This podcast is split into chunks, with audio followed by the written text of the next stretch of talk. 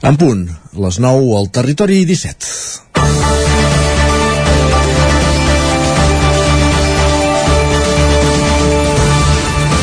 El concert inaugural a càrrec de Núria Graham obrirà aquesta tarda un mercat de música viva de Vic que finalment recuperarà la plena normalitat. Les imatges de concerts multitudinaris a la plaça Major i el Sucre o les actuacions als carrers icòniques d'un mercat que des del seu naixement treballa per compaginar la part professional amb la festiva i popular es podran recuperar en aquesta edició. Una edició que tornarà a concertar diverses eh, concentrar diverses estrenes. De fet, ho són gairebé un terç de la cinquantena de concerts que es faran dins el programa oficial. Aquest estiu hem pogut comprovar l'esclat de creativitat dels artistes que han tret nous treballs després de deixar enrere la pandèmia, que va fer estralls al sector a causa de les fortes restriccions i ha fet també d'embut per la gestació de noves propostes. La direcció del Mercat de Música Viva de Vic ja parla que veurem un mercat com el del 2019 i de fet ja hi ha prop de 900 professionals inscrits. La indústria musical i el mercat de Vic es retroalimenten. L'últim estudi sobre aquesta efemèride, sobre aquest esdeveniment, deia que l'edició de 2018 va tenir un impacte econòmic sobre la indústria musical de 4,1 milions d'euros. Els quatre dies de mercat són només un punt de partida de diversos acords i contractacions que es multipliquen a partir de la cita biguetana. Segons l'estudi elaborat per la Universitat Oberta de Catalunya, la indústria internacional genera l'11% de l'impacte econòmic i més del 4,7% de les actuacions contractades dins el mercat es programen a l'estranger. El 47% volem dir. El públic usonenc espera amb candeletes els nous treballs de Núria Greia, amb el duet XI, els Hereu Escampa, Ernest Cruzats i Dan Peralbo, els artistes locals, però el mercat també és un equilibri entre el local i el global. Sense les restriccions en els desplaçaments es recuperarà la presència d'artistes de tot el món. S'ha treballat sobretot amb l'Amèrica Llatina i també amb França. A més, continua estrenant-se estenent-se com una taca d'oli i a través del projecte El Mercat de Música Viva es mou i ha arribat a acords amb festivals com l'Ambassat de Sabadell, el Portal Blau de l'Escala o el Canti la Font del Lluçanès. El Mercat de Música Viva de Vic no ha parat de créixer i la seva existència ja imprescindible per la indústria musical. Una mica més d'hora que el Mercat de Música Viva, avui dimecres, 14 de setembre, també comença un nou Territori 17 a la sintonia de la veu de Sant Joan, Ràdio Cardedeu, Ona Codinenca, Ràdio Vic, al 9 FM, al 9 TV i també a Twitch i YouTube. Territori 17, amb Isaac Moreno i Jordi Sunyer.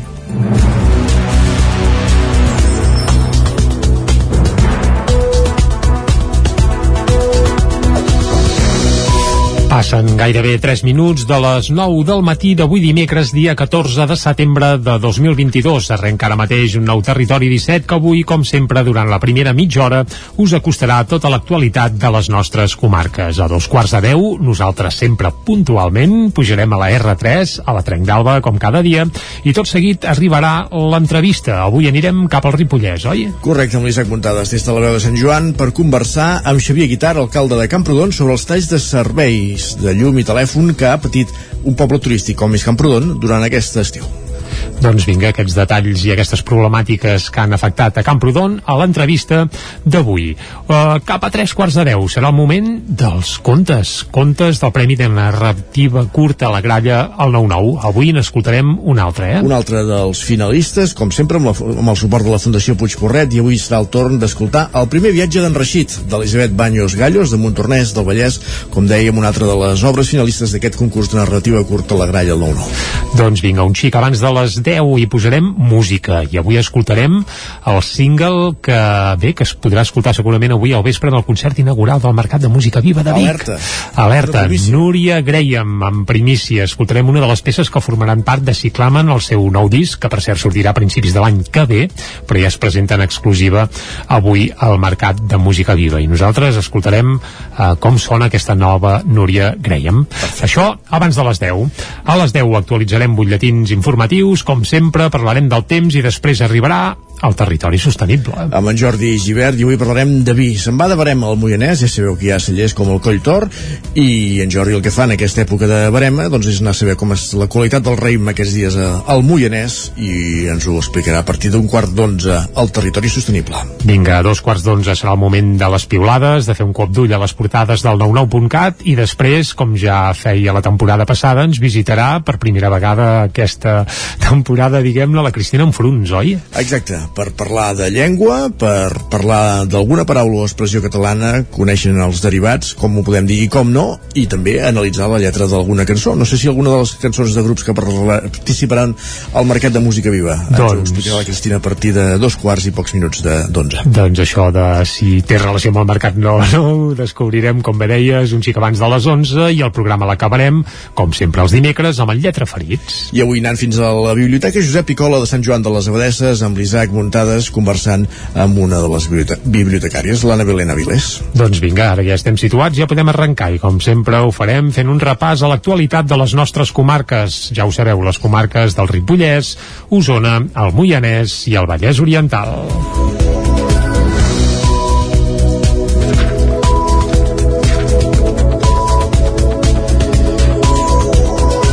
Sant Tomàs farà un centre formatiu i educatiu a l'antiga seu de la cooperativa Plana de Vic al carrer Morgades de la ciutat. L'Ajuntament de Vic li cedeix l'immoble per 25 anys i l'entitat preveu que s'hi imparteixin estudis de qualificació professional per a persones amb discapacitat intel·lectual. La sessió es va aprovar al ple de dilluns de l'Ajuntament de Vic. La que havia estat la seu de la cooperativa Plana de Vic, el número 6 del carrer Morgades de la capital d'Osona, es convertirà en un centre formatiu de Sant Tomàs.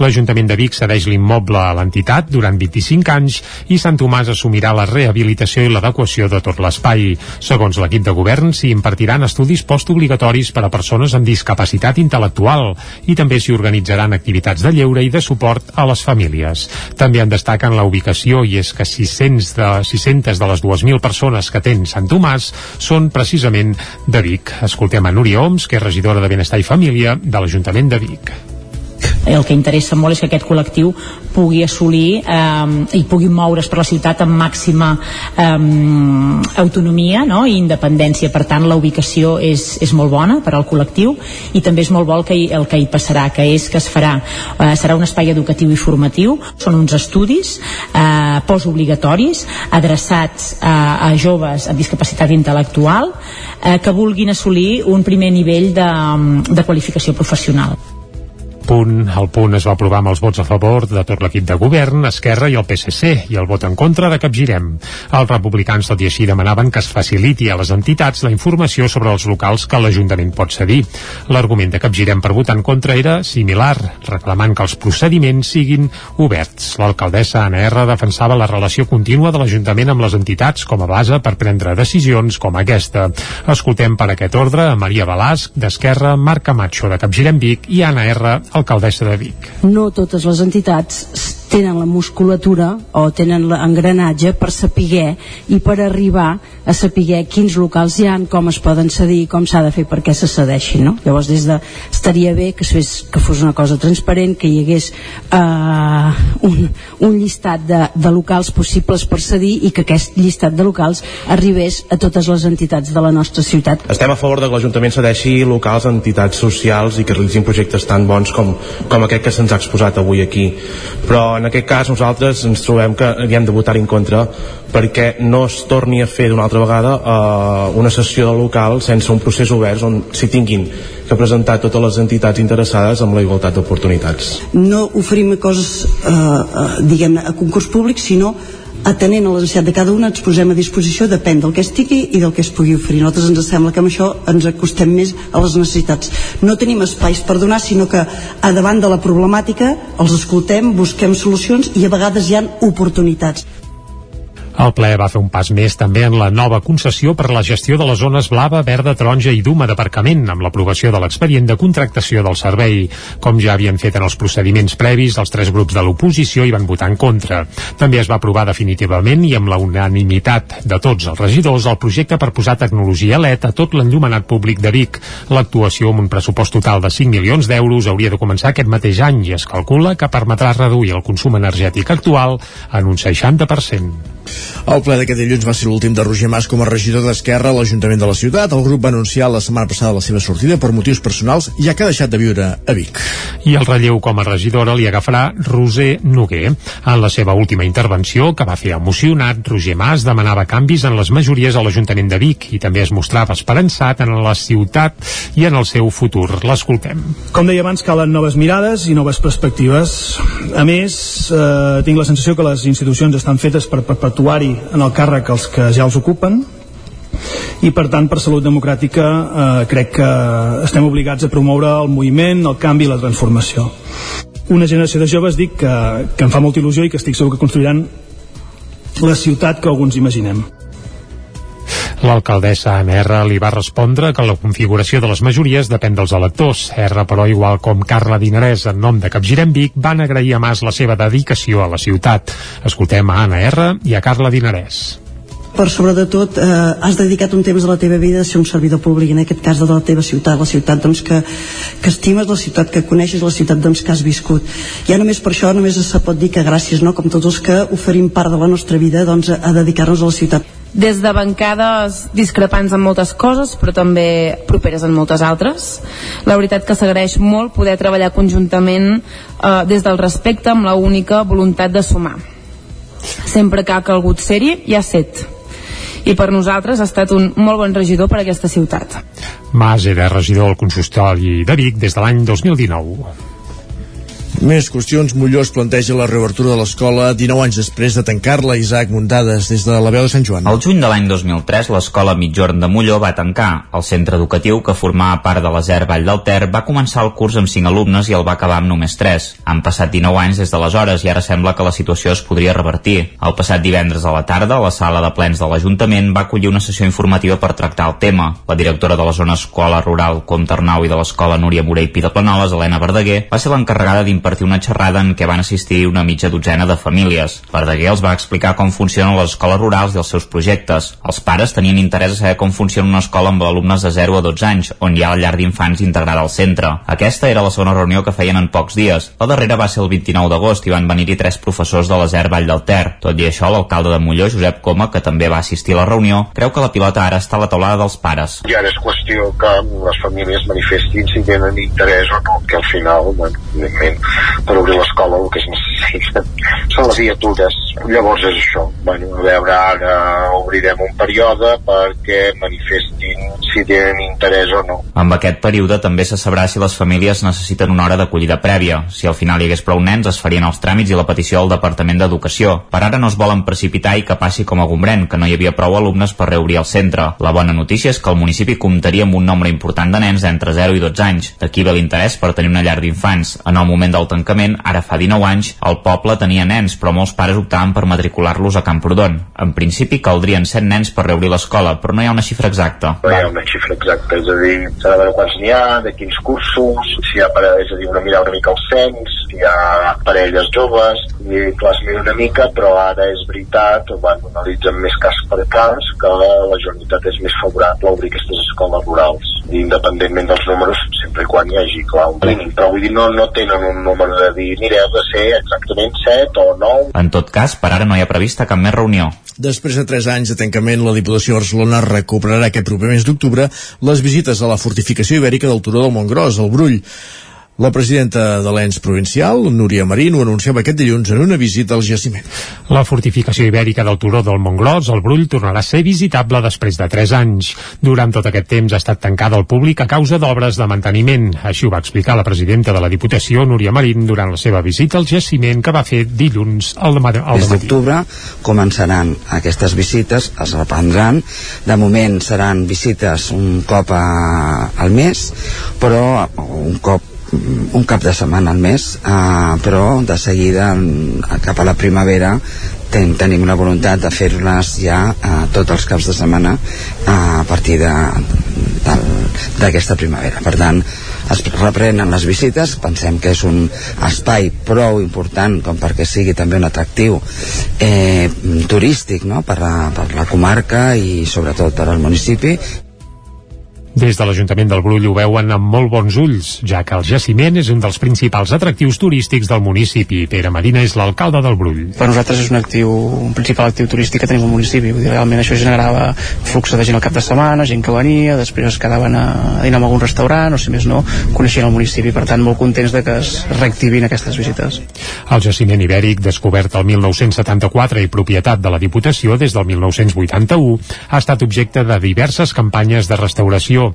Els responsables asseguren que en aquest jaciment arqueològic no està tot descobert. Tot i això, no és la seva prioritat seguir excavant, ja que les tècniques de prospecció no invasiva, com per exemple el georadar, de moment no han resol donat resultats positius. Es posa en marxa un cens de la indústria digital al Vallès Oriental. La iniciativa anomenada Mogentic fa una crida a empreses autònoms del sector digital per impulsar sinergies, cooperació i enxarxament de les persones que treballen a la indústria digital al Vallès Oriental. Ràdio Televisió Cardedeu, Òscar Muñoz. El Centre de Suport Empresarial i Tecnològic de Cardedeu impulsa Mogentic, una iniciativa pública supramunicipal que compta amb el suport dels ajuntaments de Cardedeu, Canovas i Samalús, la Roca del Vallès, Sant Antoni de Vilamajor, Sant Pere de Vilamajor i la Diputació de Barcelona.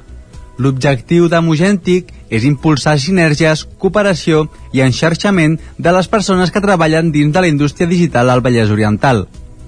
Per aquest motiu es fa crida a les empreses i autònoms que es dediquin al món digital per tal de crear un cens que permetrà dibuixar un mapa de la indústria digital al territori. El cens oferirà a les persones vinculades a la indústria digital la possibilitat de conèixer i col·laborar amb diferents empreses i autònoms del món digital del territori, tenir més visibilitat i facilitar l'accés a potencials clients de la comarca, incrementar els vincles entre empreses i persones autònomes i l'administració pública i multiplicar l'abast dels projectes fent xarxa.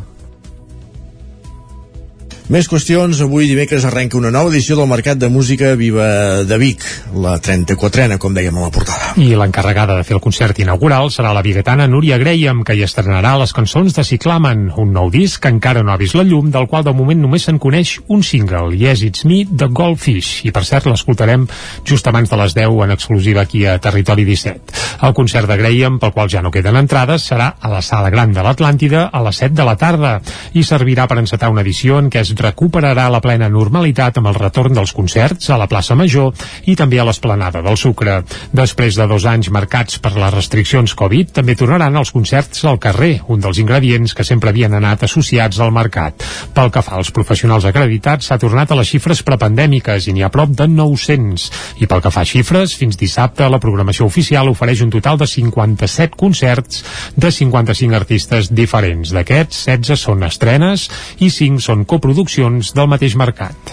El Pau d'Orda i la Pobilla, els gegants de Sant Feliu de Codines, ho tenen tot a punt per viure la festa major a partir d'aquest dijous. Caral Campàs, ona Codinenca. La colla gegantera va poder viure alguns actes de festa major estàtics durant la pandèmia, però aquesta festa major serà la de la recuperació de les cercaviles i ho faran amb alguna sorpresa. Anna Gené és presidenta de la colla gegantera. Aquest any tornem a fer el que ens agrada més a la colla gegantera, que són els cercaviles, i que la gent ens acompanyi i, i vagi fent el seguici de tots els gegants i totes les figures que tenim.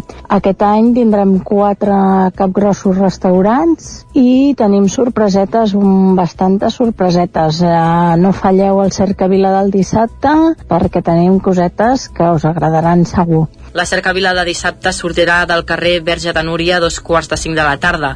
Per mitigar la calor, tots els qui s'hi desplacin rebran un gelat gratuït. Amb els gegants i capgrossos restaurats es podran viure les cercaviles i els actes emblemàtics dels darrers anys, com la sortida del Corretraca o la visita a la residència Agustí Santa Cruz a l'antic hospital que es tornarà a fer el divendres. I després, una altra cosa que també ens fa molta il·lusió és que podrem tornar a anar a la residència dels avis allà a l'hospital, que ens fa molta il·lusió perquè pobres ens han trobat molt, molt, molt, molt a faltar i els podrem anar a veure.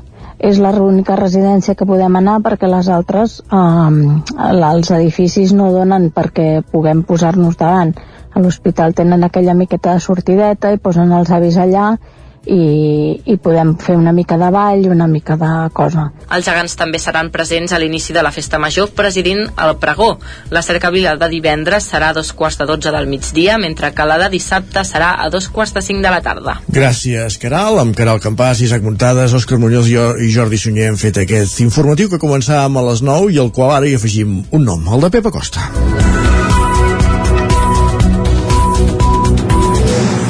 Ha plogut, va ploure ahir, ha plogut aquesta nit, però no sabem si tant com en Pep volia, com, com es necessita, és evident que no. I per treure Casa l'entrellat Terradellos us ofereix el temps. Ara sí, ara sí, després de Casa Terradellos eh, saludem en Pep que ens traurà vaja, ens posarà una mica de llum al que ens espera per avui sobretot i farà un repàs al que ha passat eh, també aquesta nit eh, Pep, bon dia, va, anem al gran Hola. bon dia Què tal? Bé, bé. Com ha començat aquest dimecres? Bé. Espero que bé. Estem aquí ja avançant la setmana. Per fi, per fi, meteorològicament parlant, Ja eh, sembla que la situació es va normalitzant pel que fa a les temperatures. ja, ja toca, ja Eh, tocava ahir ja ja van baixar les màximes, aquesta nit han baixat també les mínimes, s'ha dormit bastant més bé, sobretot cap a l'interior, eh, Osona, Mollanès, Ripollès, s'ha dormit bastant bé, han baixat les temperatures per sota els 15 graus a moltes poblacions, si bé la majoria de mínimes entre els 15 i els 20. I ahir eh, encara hi havia molta humitat, encara hi havia temperatures altes, però sí que va haver-hi més núvols, la temperatura va ser una mica, una mica més baixa. I ahir un protagonista una mica inesperat, eh, no pensava que fes tant de vent. Van tenir cops de vent de 30, 40, 50 km per hora, un vent una mica moderat, que va ser el protagonista durant diverses hores del dia. I també, per fi, per fi, ha arribat una mica de pluja. Una mica de pluja. Aquesta nit segur que molts us heu despertat amb el pas d'aquesta línia de tempestes que ens ha afectat cap a les 4 o les 5 d'aquesta passada nit. Eh, no ha deixat massa pluja a les nostres comarques. Eh, en total, eh, eh, eh, ahir, eh, ahir aquesta nit, en total, només s'han superat els 10-15 litres cap a la zona del Pirineu, cap al Ripollès, Poca cosa. Osona, Mollanès, Vallès, la majoria de pluges entre el 0 i els 5 litres. La notícia positiva és que gairebé ha plogut a totes les poblacions, m'ha plogut a molts llocs, la negativa, la negativa perdó, és que ha plogut molt poc. Però bueno, eh, a casa del pobre una mica de- d'alegria ja, ja, és, ja, és, ja és ben rebuda, uh, i s'ha de ser, s'ha de ser humil, s'ha de ser pobre d'aquest món. S'ha de ser pobre i quan tens una mica de, de puja en aquest estat que tenim ara doncs hem d'estar contents, contents però aviam si plou una mica més però avui no serà un de puja avui, com he dit abans, per fins veure unes temperatures més baixes hi ha núvols, encara hi ha força núvols i serà bastant la tònica del dia d'avui molts núvols i poca pluja, poca precipitació i les temperatures màximes una mica més baixes de les d'ahir, que les d'ahir. La majoria de valors entre els 22, 26, 27 graus. Es van normalitzant les temperatures, van baixant. Aquest pas de l'ex-huracà Daniel ens ha obert les portes una mica a vents més de, més de nord, a vents més, eh, més secs, eh, l'humitat està marxant també una mica, i vents més freds. Eh, per fi, per fi, eh, no estem suant tot el dia, eh, per fi no fa aquesta calor tan intensa, i, i era hora, eh, perquè portem molts mesos, molts mesos amb aquesta calor, i per fi, per fi les temperatures sembla que es, que es van normalitzant, estem veient una mica la llum al final de, del túnel a la gent que no li agrada gens la, la calor. Uh, I això és tot. Uh, a la tarda poden créixer algunes nuvolades, uh, però en principi sense precipitacions, i el vent serà molt més feble que ahir. Eh? El, el front que ens va passar ahir ens va, va anar associat d'això, de, de vent moderat, i, i avui serà molt més feble. No esperem cap ventada com la d'ahir, que va ser força, força destacable, com deia al principi de la informació meteorològica d'avui. Adeu. Vinga, doncs ja ho tenim. Exacte, ja ho tenim i anem ràpidament al quiosc, si no farem salat. Va, vinga, Casa Tarradellas us ha ofert aquest espai. 3 minuts per repassar. Terri. Anava a dir 3 minuts per repassar les portades dels diaris del dia i per on comencem, Jordi? Va, comencem pel punt avui. Titular principal, no s'entenen. Qui és que no s'entén? Doncs les tres entitats sobiranistes i el govern. Però, Ahir... però, però, però, però això és nou, és notícia? No, no, no, Ah, el que clar, passa que, clar, en teoria ahir Pere Aragonès els va convocar tots plegats, dius, aviam si arriben a algun acord o tot plegat, però bé, l'únic acord que, a què van arribar és que, que es tornarien a reunir, que, bueno, per aquí es comença, però vaja, van També- constatar... També i fan una taula de diàleg, vaja? Més o menys, sí, sí. Constaten la diferència eh, d'estratègia. Presidència dona un cop de porta no compartit per Junts a la proposta de l'ANC per al 2023, en què volien, doncs, evidentment, la independència. A part de que no s'entenen al govern, l'altre titular principal que també apareix a la resta de portades és el Barça, que perd a Munic tot i la millora. Va perdre 2 a 0, va Home, fer un bon partit, però... Millora, millora notòria. Millora, sí, home, va xutar més cops que el Bayern, per exemple. eh? L'any passat, eh, recordes el 3 a 0 aquell amb la cua entre cames? va més almenys, sí. bé, almenys van sortir amb el cap ben alt i, mira, perdent, però tampoc passa res. Però bé, això seria carn de tertúlia esportiva, ens quedem amb el titular, també al punt avui apareix que el Carràs candidata a millor film internacional als Òscar. Carai. Deixem el punt avui, anem a l'ara. El cistell de la compra s'encareix més de pressa que la resta de preus. Aquest és el titular principal. La fotografia, però, és pel Barça, que diuen el Barça perdona i el Bayern li fa pagar. També apareix Jordi Pujol, fora de perill, però en observació per si hi ha danys cerebrals.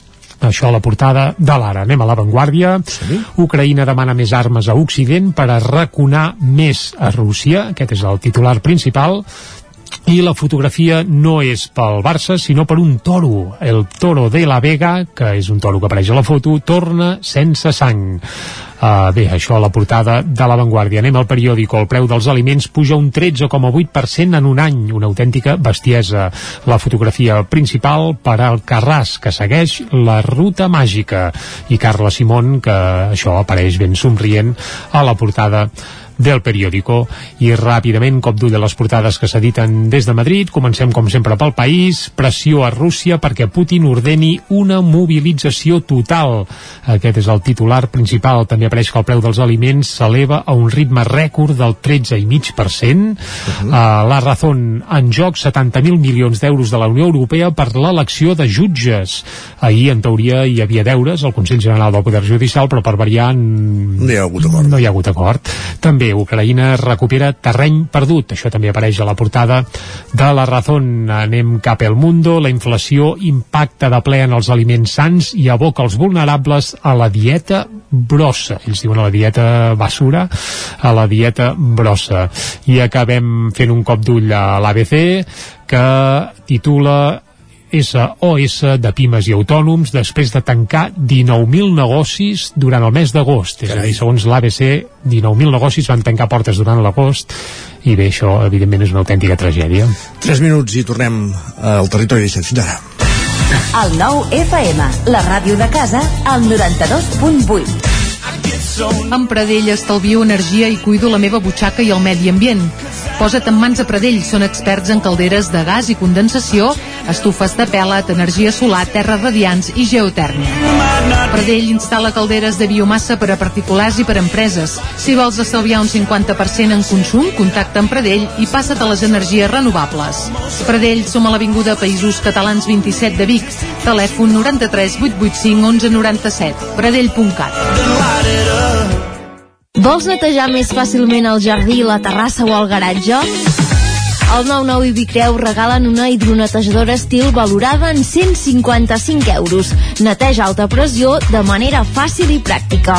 Per aconseguir-la només has d'entrar al perfil d'Instagram del 99, buscar entre les últimes publicacions i participar al sorteig tot seguint les instruccions. Tens temps fins al diumenge 18 de setembre. Cobertes serveis funeraris. Els nostres tanatoris estan ubicats en els nuclis urbans més poblats de la comarca d'Osona per oferir un millor servei. Tanatori de Vic, Tanatori de Manlleu, Tanatori de Centelles i Tanatori de Roda de Ter.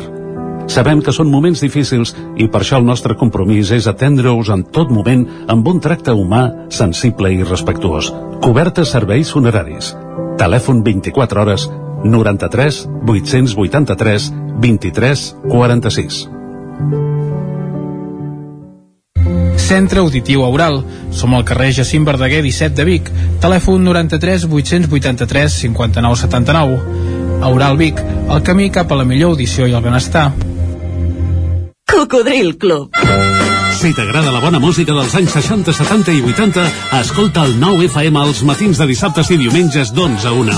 És el temps del Cocodril Club, tot un clàssic de la ràdio, amb les bases del pop-rock, les llegendes, les cançons que s'han convertit en autèntics himnes. Recorda, dissabtes i diumenges al matí, d'11 a 1, al 9 FM 92.8. Cocodril Club, el programa revival de l'Albert Malla. Hasta luego, cocodrilo. La taverna d'en Sidoro. Fem esmorzars de forquilla, dinars, sopars i tenim una gran varietat de tapes i plats per escollir. Cuina oberta tot el dia. Tenim peix fresc de la llotja. No et perdis el nostre extraordinari pop. Vine a la nostra terrassa. La taverna d'en Sidoro. Som al carrer Pirineus 20 del polígon Mas Galí de Gurb. Telèfon 93 883 1689. Anuncia't al 9FM. La màquina de casa. 9 3 8 8 9 4 9 4 9. Publicitat arroba al 9FM.cat. Anuncia't al 9FM. La publicitat més eficaç. Territori 17.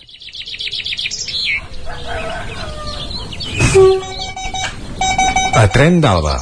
Cada dia els usuaris i usuàries de la línia R3 de Rodalies que veuen sortir el sol des d'un vagó ens expliquen les gràcies i les penes del primer comboi que uneix Ripoll i Barcelona o les feixugues jornades amb el tren després de treballar. Benvinguts a Tren d'Alba. Com que la puntualitat i el servei del tren sembla que no ha millorat gaire amb la gratuïtat, almenys sembla que s'estan fent inversions a les rodalies de Catalunya. Per ara ja s'ha fet un impuls al nou projecte per la integració ferroviària a Granollers, amb la remodelació d'espais de manteniment situats a l'àmbit de l'estació de Granollers Centre. Aquesta actuació té un cost de 21 milions d'euros i servirà per fer una cobertura de la infraestructura ferroviària en una longitud de 356 metres. El Ministeri de Transports, Agenda i Mobilitat Urbana va adjudicar dos estudis també per millorar la capacitat de les rodalies 4 i de l'estació de Martorell. El cost de l'actuació és de 942.141 euros i s'hi farà una anàlisi de solucions i alternatives per augmentar la capacitat del tram Martorell-Nus-Castellbisbal. També es millorarà la intermodalitat de l'estació de Martorell. Us deixo ja amb la crònica d'en Carles Bassaganya d'avui. Acabat de baixar del nostre estimat tren de Rodalies 3 i aquests dies amb una pregunta que els que som viatgers habituals ens fan, no? De què hem notat des de l'entrada en vigor de la gratuïtat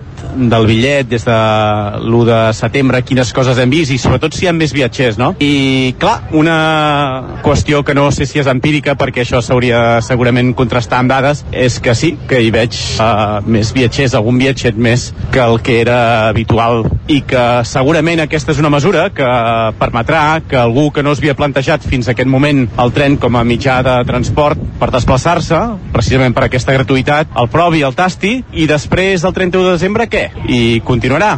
Doncs, clar, el factor preu i el factor gratuïtat segurament té molt a veure que continuï, però tant o més important és que aquest sigui un servei còmode, que sigui segur i que sigui sobretot molt pràctic per la gent que l'utilitzi. I també us he de dir, una altra cosa que he notat des d'aquest procés de gratuïtat és que no tenim les tradicionals discussions sobre aquelles persones que viatjaven sense bitllet, perquè els interventors en poques ocasions en aquests moments passen, i això comporta una altra derivada per als que som viatgers més que habituals, sinó habitualíssims, que és que precisament la convivència també dins dels vagons, sobretot aquells que fem trajectes de dues hores, doncs han pitjorat i aquesta és una realitat. Segurament és aquest factor de més gent, però també de gent que a l'hora de comportar-se i sobretot davant de l'absència suposen, i així és, de molts dels interventors, doncs la convivència dins el vagó, i aquí és vària, eh? des de música tot drap fins a peu sobre les taules, de fet sobre els seients, perquè taules no en tenim al nostre tren, doncs és habitual.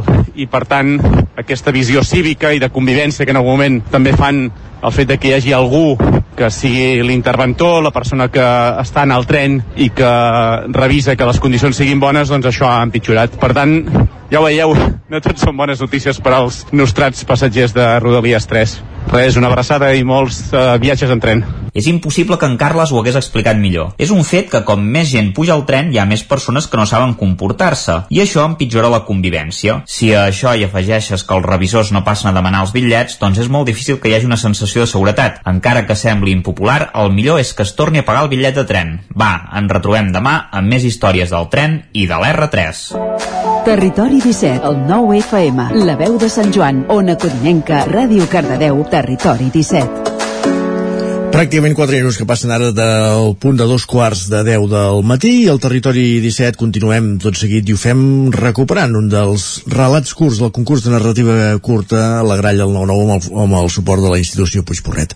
Avui escoltem un altre dels finalistes, la setmana passada vam escoltar el primer, en total hi ha 10 finalistes, els tres darrers evidentment són els, els guanyadors, primer, segon i tercer classificat.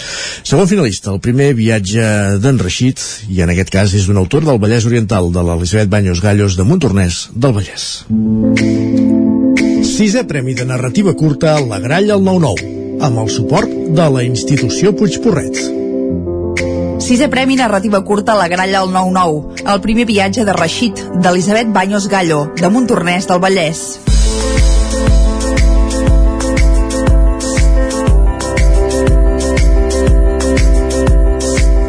En Reixit ha passat la nit molt inquiet. Des de fa dies pensa en el seu primer viatge. Avui a l'escola ha fet moltes coses, però en cap moment ha oblidat que la seva sortida serà aviat. Té por. No vol deixar el seu poble. A més, té dubtes perquè no sap si on se n'anirà serà un lloc millor. Somia despert i a vegades està absent. Només l'única cosa que sosté la seva decisió de fugir és l'amor de la seva mare.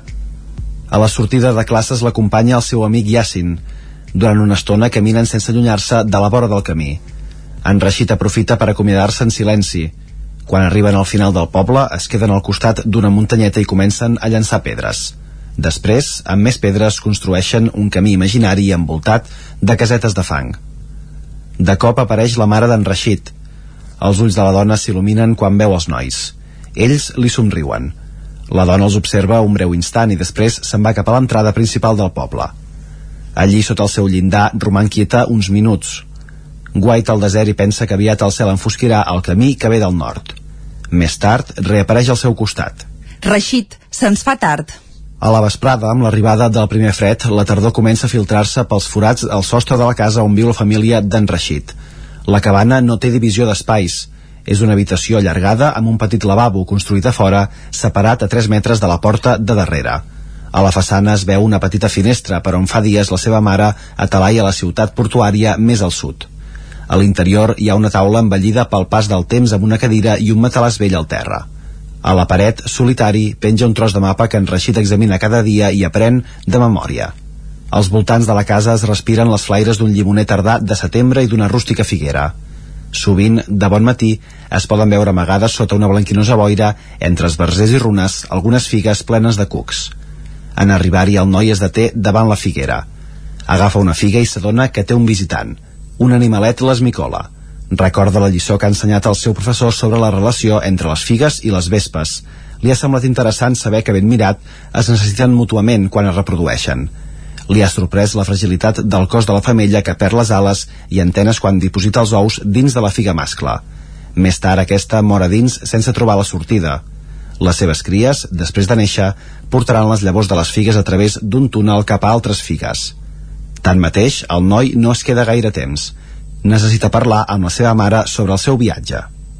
Mare, quin és el veritable camí? En Reixit s'aventura a preguntar-li. Davant teu hi serà el blau. Blau. Més blau. Mare, i quan acabi, què passarà? Serà terra ferma. Sense esperar-ho, un cop de porta massa fort interromp la seva conversa. És el pare d'en Reixit. El noi tanca els ulls i exhala un sospir. Un alè d'aire fred domina la barraca. L'home els mira enfadat, agafa una bosseta d'herbes per fumar i se'n va. Aquesta nit no hi tornarà perquè és divendres i els caps de setmana se'n va amb els seus amics del poble. Fumen i discuteixen sobre temes diversos sense sentit. A més, fa igualment que quan fa calor, no torna a casa seva durant uns quants dies. Sovint el seu pare no actua bé i ho paga amb la seva mare. Es baralla amb ella pels diners i pel matalàs. No treballa i només quan necessita fumar recull llenya amb un senyor gran que és el seu oncle. Al noi no li agrada la seva actitud agressiva, no entén el món dels adults, sempre amb problemes i queixes. Pensa que tot seria més fàcil sense crits ni cops. Ara, sense la seva presència, han d'enllestir els últims preparatius abans de la sortida. La seva mare mira per la finestreta. Més enllà del port, la negró dels núvols anuncia pluja i l'arribada de dos homes que pugen pel camí del nord cap al poble. El so dels seus passos s'intensifica a mida que avancen. Deu minuts més tard, els dos estranys conversen amb la mare d'en Reixit. La dona escolta el pla de viatge sense aixecar els ulls. El noi els mira molt preocupat. S'adona que la seva mare es quedarà sola amb el seu pare. Ella sempre ha estat valenta davant les seves amenaces perquè el seu fill ha estat el seu escut.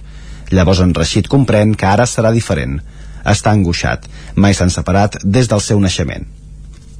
Molt avançada la nit, el vent bufa més enllà dels infèrtils turons i des del cel una constel·lació d'estels encisa al poble. A dins una feble espelma miralla a les parets de la casa, ombres inquietes en moviment. En Reixit dormisqueja el matalàs mentre la vetllada es prolonga fins a trenc d'alba. L'endemà, de matinada, abans de sortir del poble, sota els dos arbres, mare i fill troben un espai per estar sols. Parlen de la importància del viatge per al futur dels dos. La mare, amb la veu ofegada, reflexiona amb ell sobre com serà el camí que ha de recórrer. Ha d'entendre que a vegades serà fosc, que en algun moment tindrà el color groc del dia i que finalment, quan s'allargui en el temps, serà blau. Els colors seran el senyal que avança pel veritable camí. L'home esquerp se'ls apropa. La dona li allarga una bossa. Ell examina el seu contingut. Mentrestant, els llavis oculten una melodia trista i el silenci els deixa atrapats en una imatge immòbil, quasi fotogràfica.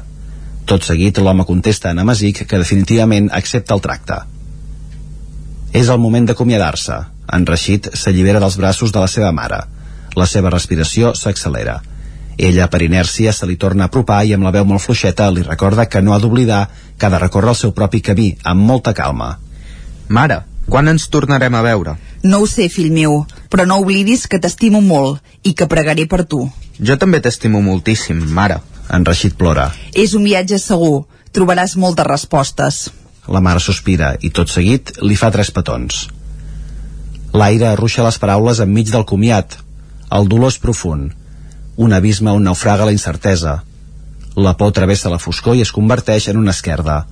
L'última abraçada es queda suspesa en el temps, justament quan l'altre home, d'ulls xuclats, el separa de cop. La fredor s'impregna a les seves espatlles. La sortida és imminent. El grup s'allunya per un altre camí sense conreus al voltant. La mare es queda sola. Mira fixament com les figures humanes es perden a l'horitzó. El seu buit augmenta mentre veu com desapareix la imatge del seu fill. Plora com mai a la seva vida. Plora amb les mans a les galtes, retenint la caiguda de les llàgrimes. Un dolor indesxifrable.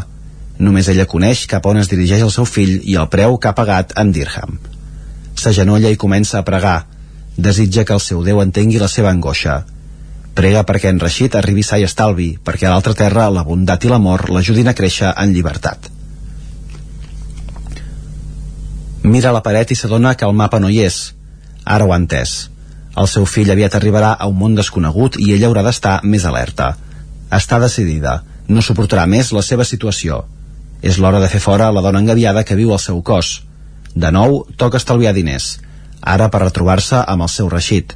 Això la mantindrà viva. Els viatgers avancen ràpid. Entre les dunes intueixen la proximitat dels colors amigables del dia. La seva companyia els servirà de guia en l'inici del viatge.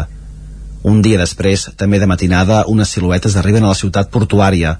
Sota el seu refugi avancen per l'avinguda principal i en una de les seves cantonades, a mà dreta, giren per un carrer més estret. En la foscor es troben amb un home amb un mocador al cap que du una vestimenta llarga i fosca. Els nouvinguts els segueixen cap a l'interior d'un basar. En una habitació preguen l'alfatia, càntic per la quietud de l'ànima, una lletania que a poc a poc s'acopla amb alguns sons que ressonen a la llunyania. És la primera pausa del dia per demanar protecció al seu Déu. En sortir del centre de la ciutat comença a plovisquejar.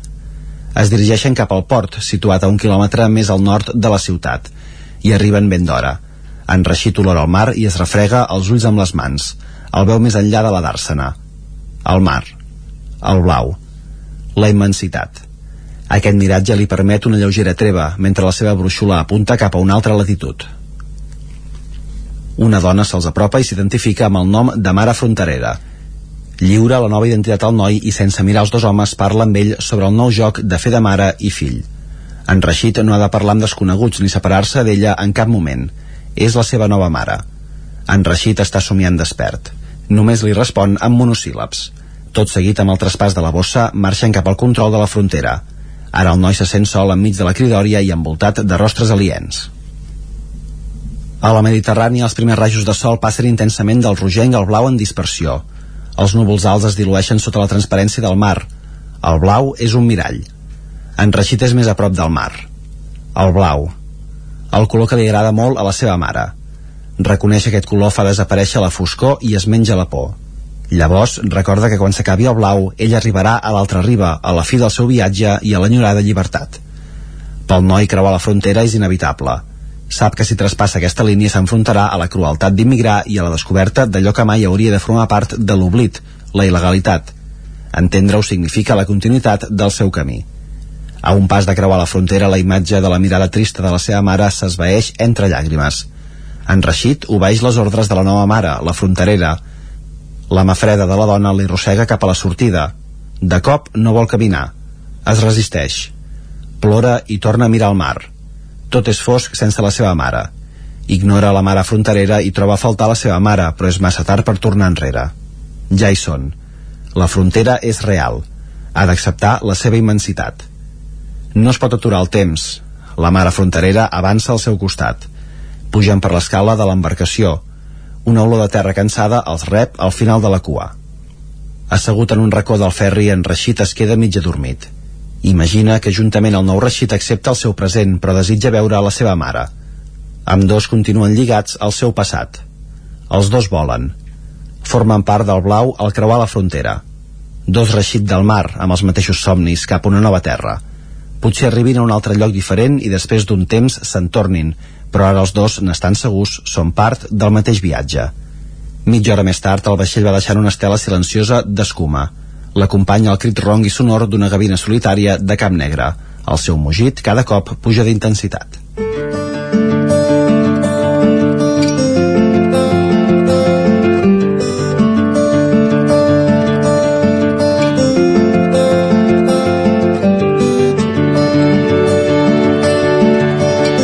El primer viatge de Reixit, d'Elisabet Baños Gallo, finalista del sisè premi de narrativa curta La Gralla al 9-9, amb les veus de... Guillem Sánchez, Esther Rovira i Pol Matavaques. Sisè premi de narrativa curta La Gralla al 9-9, amb el suport de la institució Puigporrets.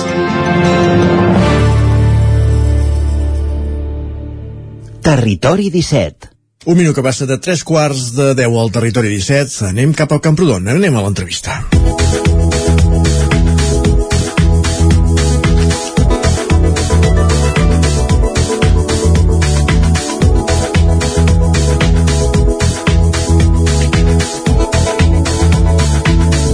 Durant aquests mesos d'estiu, Camprodon ha patit, ha patit diversos talls intermitents de telefonia i de llum que han afectat tota la ciutadania, tant a particulars com a comerços o establiments de la vila. Un fet que no ajuda gens a una població turística i molt dinàmica pel que fa a activitats. Isaac Muntades, la veu de Sant Joan.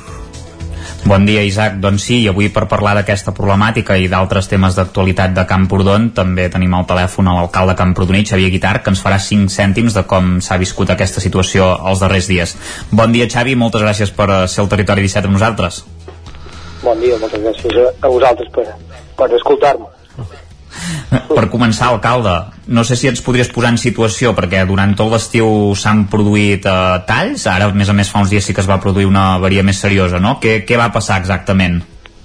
Mm, bueno, eh, la veritat és que, que les avaries han set constants aquest estiu. La veritat és que a partir d'aquestes tempestes que van començar a inicis d'agost hem tingut bastants talls eh, de telefonia sobretot, però també algun tall de llum bastant important i, i el tema és que és veritat que, que depèn molt de les afectacions. Ja sabeu que tenim una població amb, amb quilòmetres quadrats de les, de, entre els tres més grans de la província de Girona i, i per tant les afectacions depèn de com han set han, han afectat a més població o menys però sí que és cert que hem tingut dues, dues afectacions bastant importants mm -hmm. No és la primera vegada, podríem dir que la telefonia i Camprodon no han acabat mai de tenir una relació fluida què se'ls ha reclamat a les companyies de, tant telefòniques com elèctriques i quina està la resposta? Bueno, la veritat és que, que tots, tots ens emplenem la volta de que el món rural ha de ser un món igual amb les mateixes comunicacions que pot tenir l'àrea metropolitana i la veritat és que bueno, ens sorprèn que a aquestes altures que estem i tal com ens estem emplenant que el món rural, que si el teletreball i tot plegat encara estiguem anys llum de poder arribar a aquest, aquest fet. Per tant, la nostra reivindicació a les companyies eh, i a tothom en general, eh, jo crec que les administracions i a tothom, és que realment estem, estem desprotegits en, en aquest aspecte i quedem, jo crec que en un cul de sac en el qual no, no se'ns té en compte. I la resposta que és nula sempre?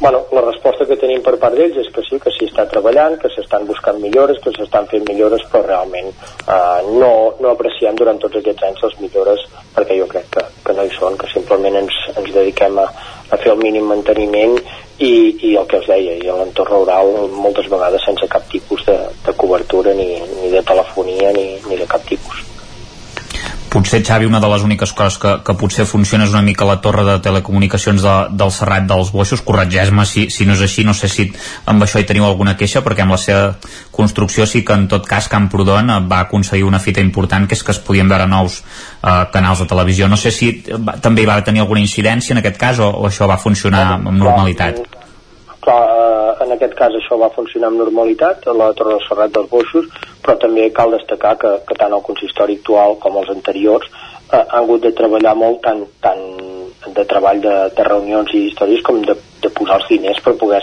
que aquesta torre sigui una realitat. Vol dir que, que tot l'esforç que s'ha fet amb aquesta torre l'ha fet en aquest cas el municipi l'ha fet Camprodon eh, amb tots els consistoris i la veritat és que eh, qui s'ha hagut d'espavilar en aquest cas ha estat sempre Camprodon.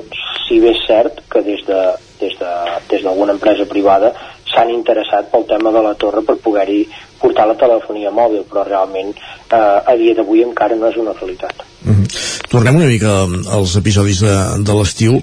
Com va afectar aquesta incidència a la població? Quins greuges han denunciat els veïns o o sí, quines van ser les afectacions, bàsicament?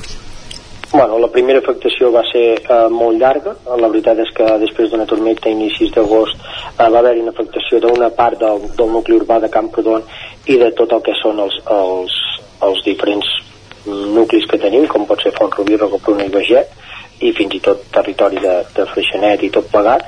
Aquesta afectació va durar 15 mm, dies ben bé, en la qual no hi havia telefonia fixa en, el, en, el, en tots aquests establiments que us dic, sí que es va, el, el, la part urbana es va restablir en, en un període d'una setmana aproximadament, però la resta van estar 15 dies sense telefonia. I com podeu comprendre els comerços a ple mes d'agost eh, estar sense telefonia fixa perquè puguin fer les seves reserves, les seves compres i tot això, doncs la veritat és que l'afectació en aquest cas va ser molt gran perquè les, les possibles pèrdues de reserves van ser bastant importants.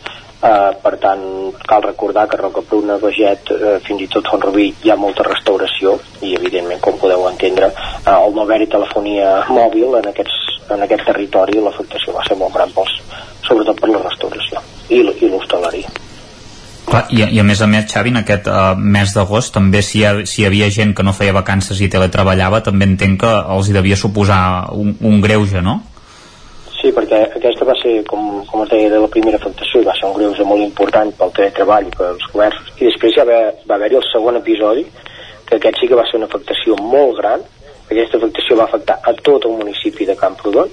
Aquesta afectació va començar dijous aproximadament a les 6 de la tarda, que va haver una afectació d'una avaria en la qual ens hem quedat sense res, literalment mm. sense cap tipus de telefonia, i es va agreujar fins al divendres a les 12 del migdia vol dir que va ser una afectació bastant important i, i, i com bé us deia, eh, quasi bé un dia sencer sense cap tipus de telefonia, els datàfons dels comerços no funcionaven, l'internet no funcionava, fins i tot mm, per posar un exemple, eh, l'Ajuntament mateix va estar tot divendres al matí inoperatiu fins als 12 del migdia. Mm, com podeu entendre en un mes d'agost jo crec que l'afectació és, és tot l'any però realment en un mes d'agost que, que se't produeixi aquest, aquest tall doncs la veritat és que, que és una afectació molt gran Clar, abans també ho, ho denunciaves, no? que les companyies quan els hi comenteu doncs, aquestes problemàtiques us, us diuen que ja estan treballant, que ja estan buscant solucions però no s'acaba de veure aquesta solució vosaltres què creieu que s'hauria de fer per, per solucionar-ho? Què, què enteneu que s'hauria de fer? Perquè sembla ser que, que, que us han abandonat una mica no? en aquest sentit eh? Bueno, jo, jo, jo crec que, que les grans companyies i, i el que valoren sempre és el tema d'emplenar de, de la caixa, no? de, de, de guanyar diners jo entenc que aquí estem en en un entorn rural on, on evidentment els, els usuaris que puguin tenir són a un nivell molt baix i realment suposo que, que les companyies concentren no poden facturar més i no poden facturar menys. Jo crec que, que si ens emplenem tots la boca de dir que hem de ser tots iguals i que hem d'estar en les mateixes condicions a l'entorn rural i a l'entorn eh, metropolità jo crec que, que ho hauríem d'aplicar. I realment quan veus aquestes afectacions et dones compte que, que això no és una realitat i que encara estem molt, molt enrere abans no podem arribar a estar en, en igualtat de condicions i poder-nos vendre el teletreball com estem venent, eh? vull dir, des de l'Ajuntament de Camprodon som els primers de vendre el teletreball, creiem que aquí tenim un entorn privilegiat per fer teletreball, però realment quan veus aquestes afectacions doncs penses que, que realment quan algú ve fet teletreball aquí i rep aquestes afectacions potser és que encara no estem tan avançats. Mm -hmm. Canviem de qüestió perquè una altra de les notícies de les quals hem parlat els últims mesos de Camprodon són les obres de remodelació del carrer València. En quin punt es troben aquestes obres? Estan ja al, al tram final, per entendre'ns? Bueno, estem, sí, estem en l'últim tram, el tram, de més, el tram més alt del, del carrer València. Uh, sí que és cert que hi va haver dues problemàtiques bastant importants, o una que ens va afectar dues vegades, que és el tema de, de l'inici d'obres, com bé sabeu, les licitacions públiques uh, tenen una sèrie de problemes i mancances. Uh, L'empresa en qüestió que va agafar l'obra en el seu moment quan es va fer el replanteig de l'obra bueno, es van, van renunciar a l'obra degut a aquesta pujada, aquest increment de preus dels materials ells van renunciar a l'obra, van dir que no es feien en cor d'assumir aquest preu l'obra i, i per tant vam perdre aquest mes, mes i mig, quasi bé dos, eh, abans no vam poder iniciar les obres carrer València. Això, a contrapartida, ens va afectar que ens va enganxar l'estiu, que era una cosa que des del consistori no es volia de cap i des dels serveis tècnics no es volia, i per tant la segona afectació va ser que a l'estiu vam haver de parar degut a l'afluència de, de gent que tenim a Camprodon. Per tant, vam parar les obres eh, l'última setmana de juliol i tot l'agost i aquestes obres han estat parades fins al dia 5 de setembre que es van reiniciar les obres per acabar aquesta última fase i la part més alta de, de Carrer València que si tot va bé i el temps ens acompanya el 30 de setembre seran totalment acabades queden per tant pràcticament 15 dies per, per acabar-les a l'últim ple, Xavi, també va haver-hi força debat del carrer València que ha sortit en diversos eh, plenaris, no, no és l'únic pel que fa sobretot al paviment perquè ja ho vas comentar, ho vas confirmar-ho que s'havien produït un parell de caigudes a, a, contestant a, a l'oposició eh, no sé què en penseu, vosaltres veu donar a entendre que clar, les obres no estan acabades i que, i que podria estar fins i tot ser normal, no? que encara s'han d'acabar, no? Que és això que comentaves. Bueno, sí, aquí hi, ha, aquí hi ha dos temes. Un tema és el paviment. El paviment és un adoquinat, eh? com, com a tants carrers eh, hi ha Camprodon adoquinats, com bé vaig comentar. Eh, hi ha molts carrers amb adoquins. Tots sabem la part positiva dels adoquins i la negativa. Evidentment no és el mateix eh, caminar en un carrer d'asfalt o un carrer adoquinat. Això jo crec que tots, tots en sabem la casuística. Uh, aquest era un tema, un tema bueno, que jo crec que, que ho hem de valorar i, i que s'ha d'entendre que són adoquins eh? i que n'hi ha molts a Camprodon i és una mica seguint el criteri del que s'ha fet a tots els carrers de Camprodon o la majoria dels carrers que s'han remodelat de Camprodon i llavors hi havia el següent tema que era aquest de recollida d'aigües que hi havia una afectació amb algun, amb algun comerç, en aquest cas a, a un comerç del carrer València que evidentment fins que no s'acabi l'última fase i no s'hagi fet tota la recollida d'aigües del carrer València evidentment això serà un engorro per, per als comerços però quan s'hagi acabat tot el carrer segons ens informen tècnicament i aquí ja no, ja no m'hi fico eh?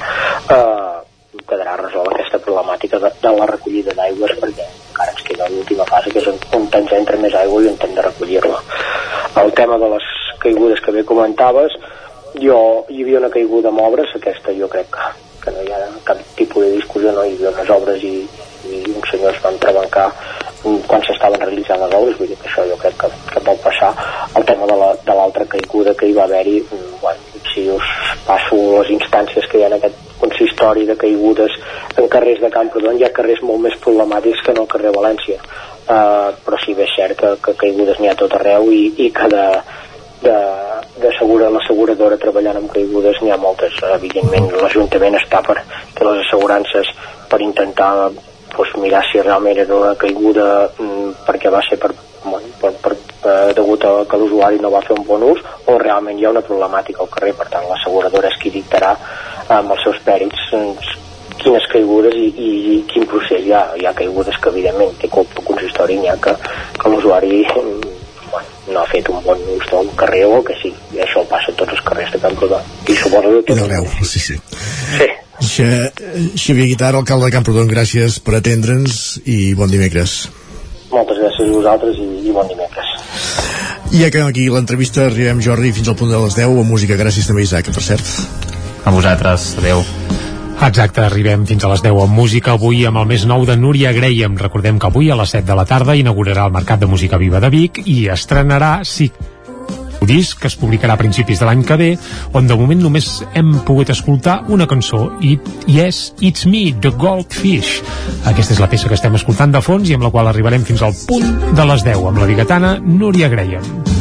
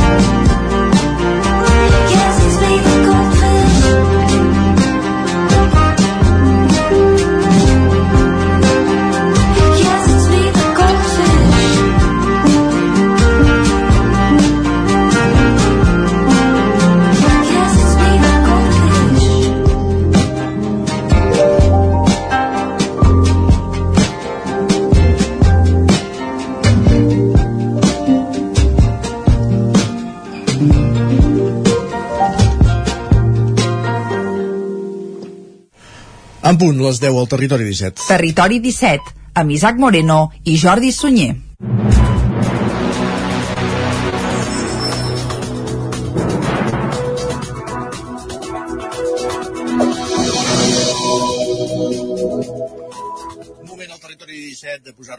D'actualitzar-nos amb les notícies més destacades de les nostres comarques. Ja ho sabeu, el Moianès, Osona, el Vallès Oriental i el Ripollès. I ho fem en connexió, com cada dia, amb les emissores que dia a dia fan possible el Territori 17, la veu de Sant Joan, Ona Codinenca, Ràdio i Televisió de Cardedeu, el 9 FM i el 9 TV. Per explicar-vos a aquesta hora que la Rambla Tarradellas de Vic aquest dissabte hi hauria les portes al nou local de l'Associació de Veïns i Veïnes del barri del Remei.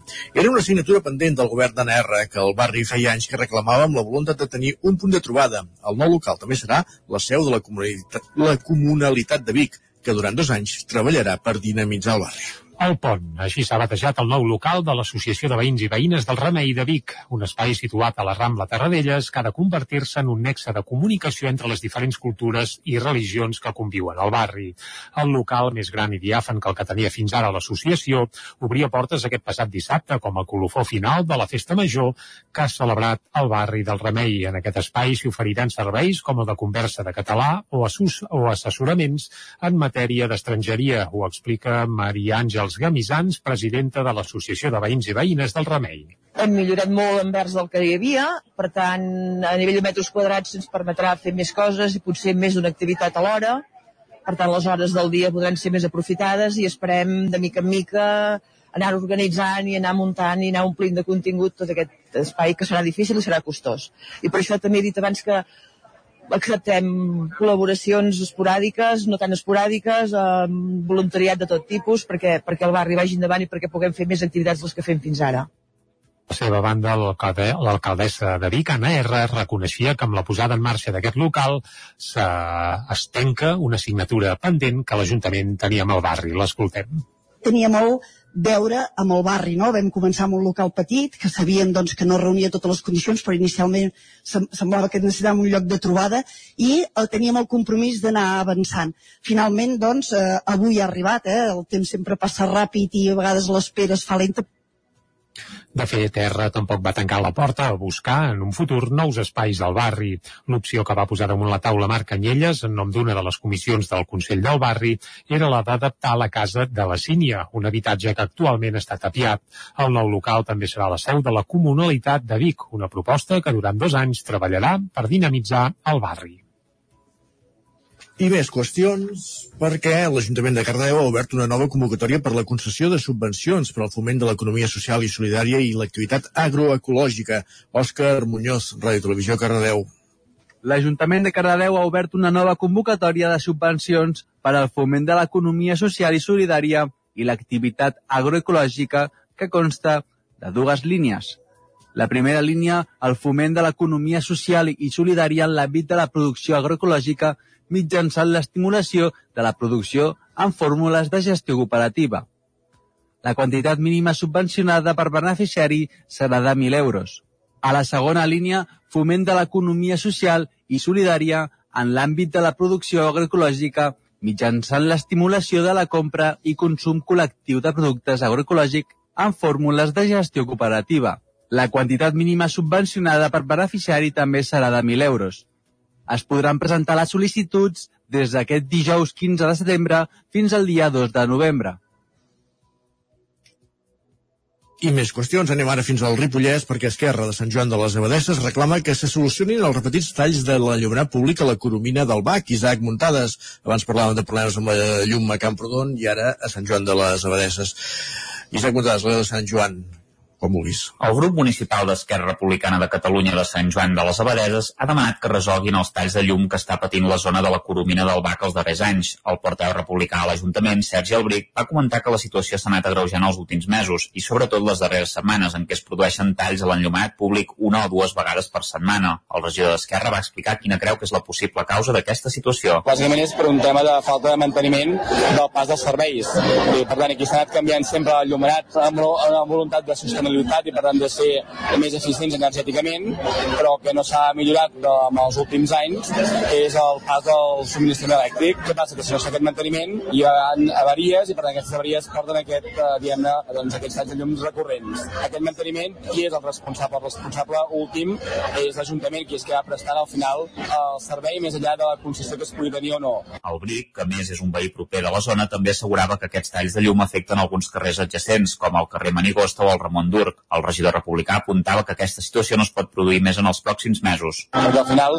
això crea sensació d'inseguretat, una cosa és que passi l'estiu, quan és més curta, eh, no és acceptable, però mira, podria arribar a ser, és, menys, és més passable, per dir alguna cosa, però els hiverns a Sant Joan són llargs i per tant un enfosquiment del carrer un o dos dies a la setmana per talls de llum doncs és molest i per tant quan parlem de sostenibilitat no només hem de canviar el llumenat, allò que es veu, sinó també allò que no es veu i per tant canviar eh, allò que faci falta tot allò que estigui soterrat. Aquesta petició s'afegeix a la demanda històrica dels republicans d'il·luminar el parc de l'estació perquè es mantingui una equitat entre tots els barris i sectors del municipi pel que fa a l'enllumenat públic.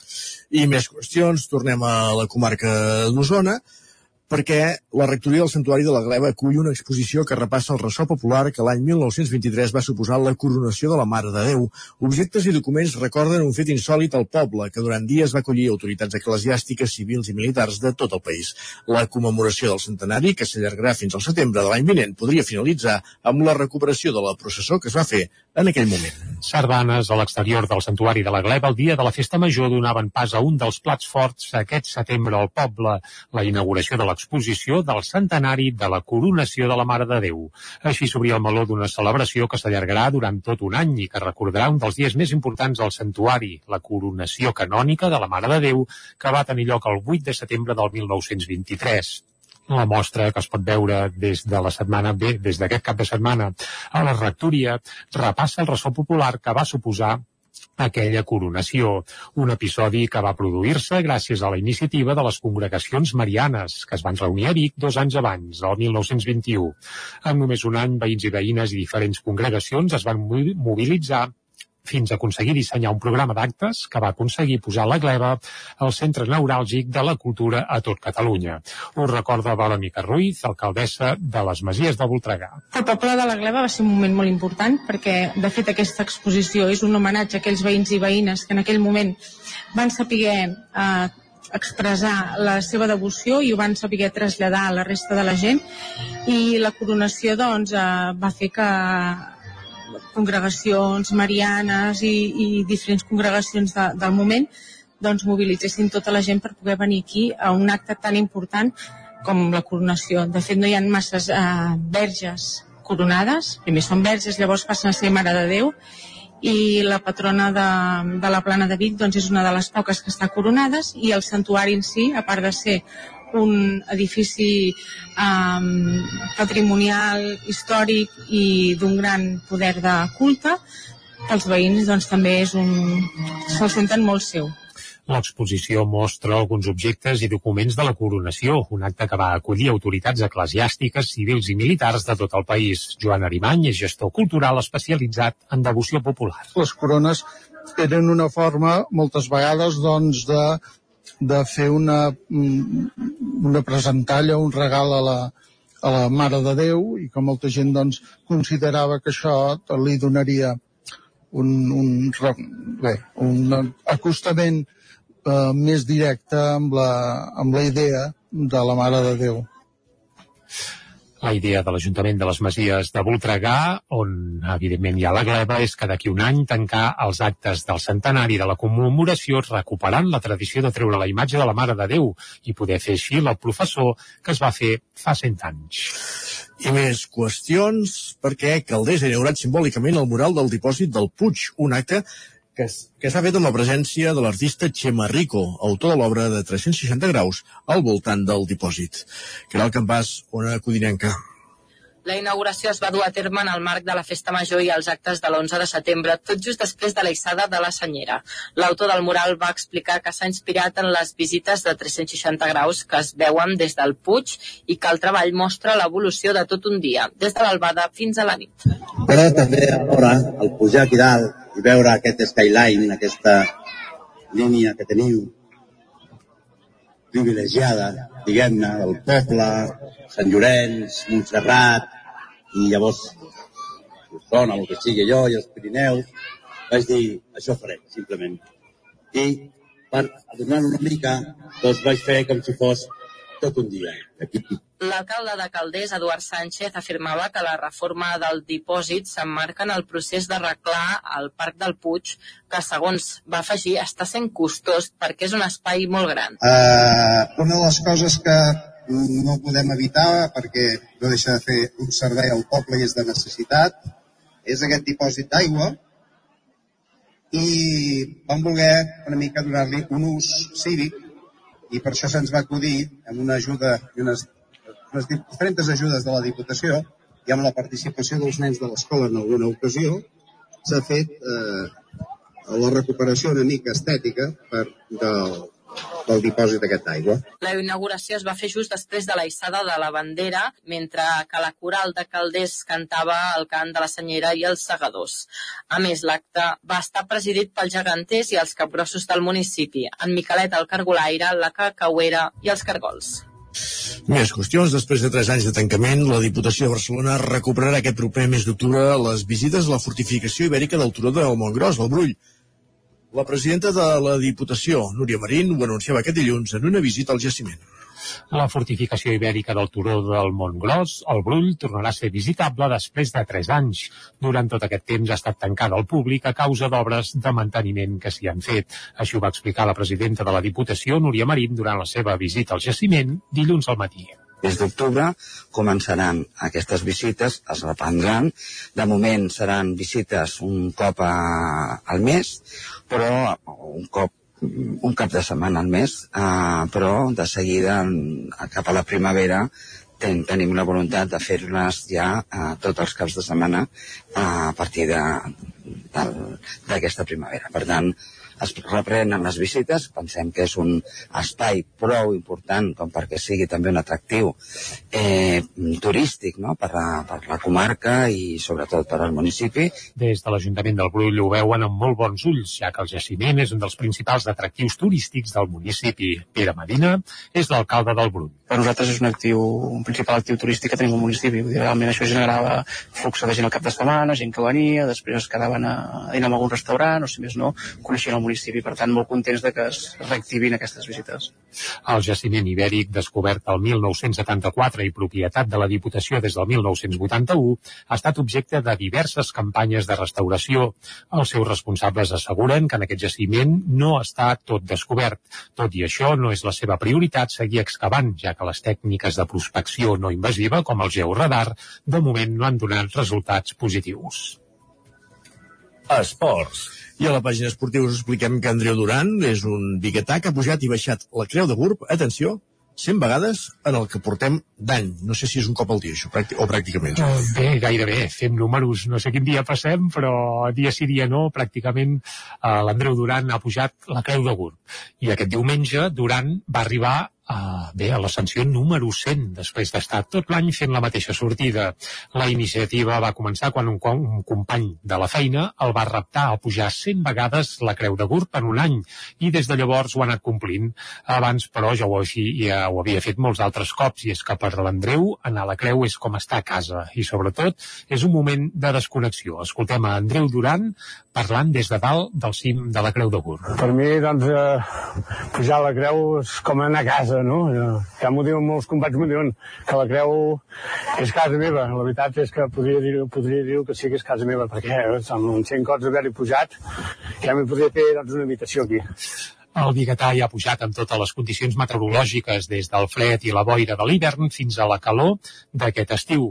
La majoria de cops ho ha fet sol, però al final ha trobat força gent que l'ha volgut acompanyar per col·laborar amb el repte. Escoltem de nou a Andreu Duran. A principis d'any era durillo, perquè hi havia dies que hi havia boira, hi havia dies que feia molt fred, el temps tampoc acompanyava gaire, però bueno, quan he prestat més han set, quan vaig arribar a les 50, que va ser el 24 de juny, doncs vaig dir que ara dic als 50 a fondo, no? I tot el 24 de juny fins a, a 1 de setembre vaig arribar a 90. Doncs bé, si fem números ja podrem comprovar que des de Sant Joan fins tot l'estiu Andreu Duran ha pujat a la Creu del Gurb gairebé cada dia i ara amb la fita ja assolida el que farà és descansar uns dies. Això sí, un cop descansat ja avisa que no deixarà de pujar al turó.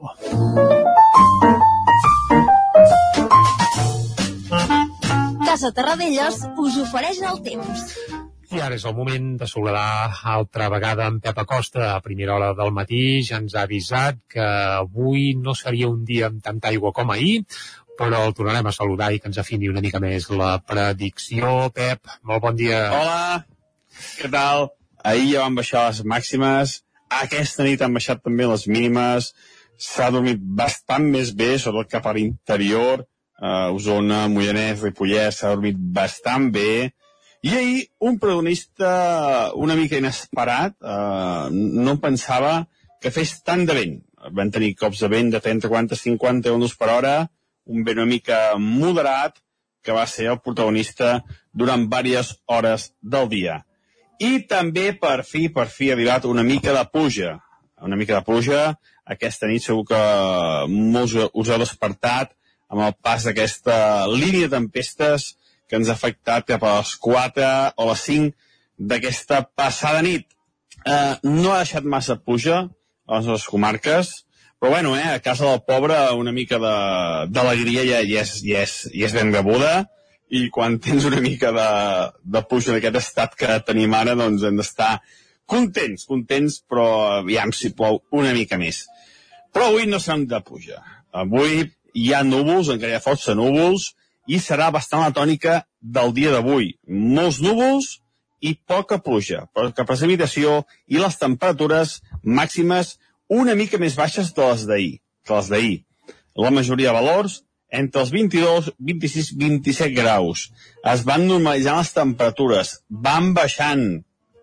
Aquest pas de l'ex-huracà Daniel ens ha obert les portes una mica a vents més de, més de nord, a vents més, eh, més secs, l'humitat està marxant també una mica, i vents més freds. Eh, per fi, per fi, eh, no estem suant tot el dia, eh, per fi no fa aquesta calor tan intensa, i, i era hora, eh, perquè portem molts mesos, mesos amb aquesta calor, i per fi, per fi, les temperatures sembla que es, que es van normalitzant, estem veient una mica la llum al final de, del túnel a la gent que no li agrada gens la, la calor.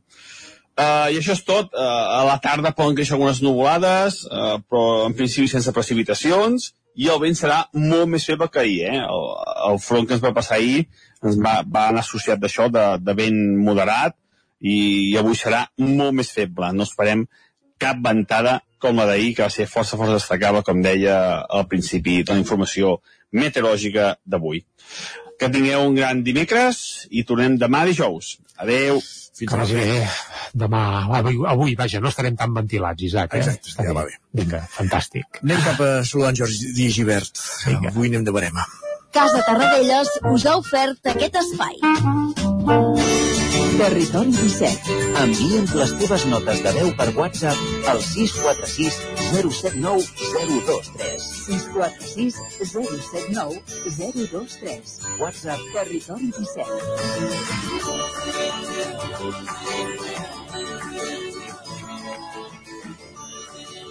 Territori 17. Som a Facebook, Twitter i Instagram amb l'usuari Territori 17.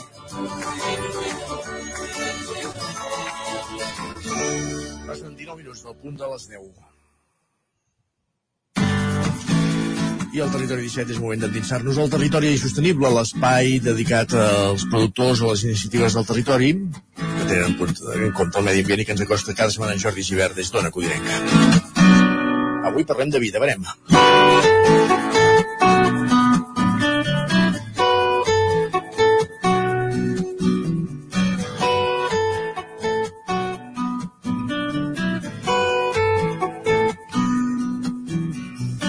Territori Sostenible ens acostem fins al Moianès per veure com treballa un dels cellers de la comarca.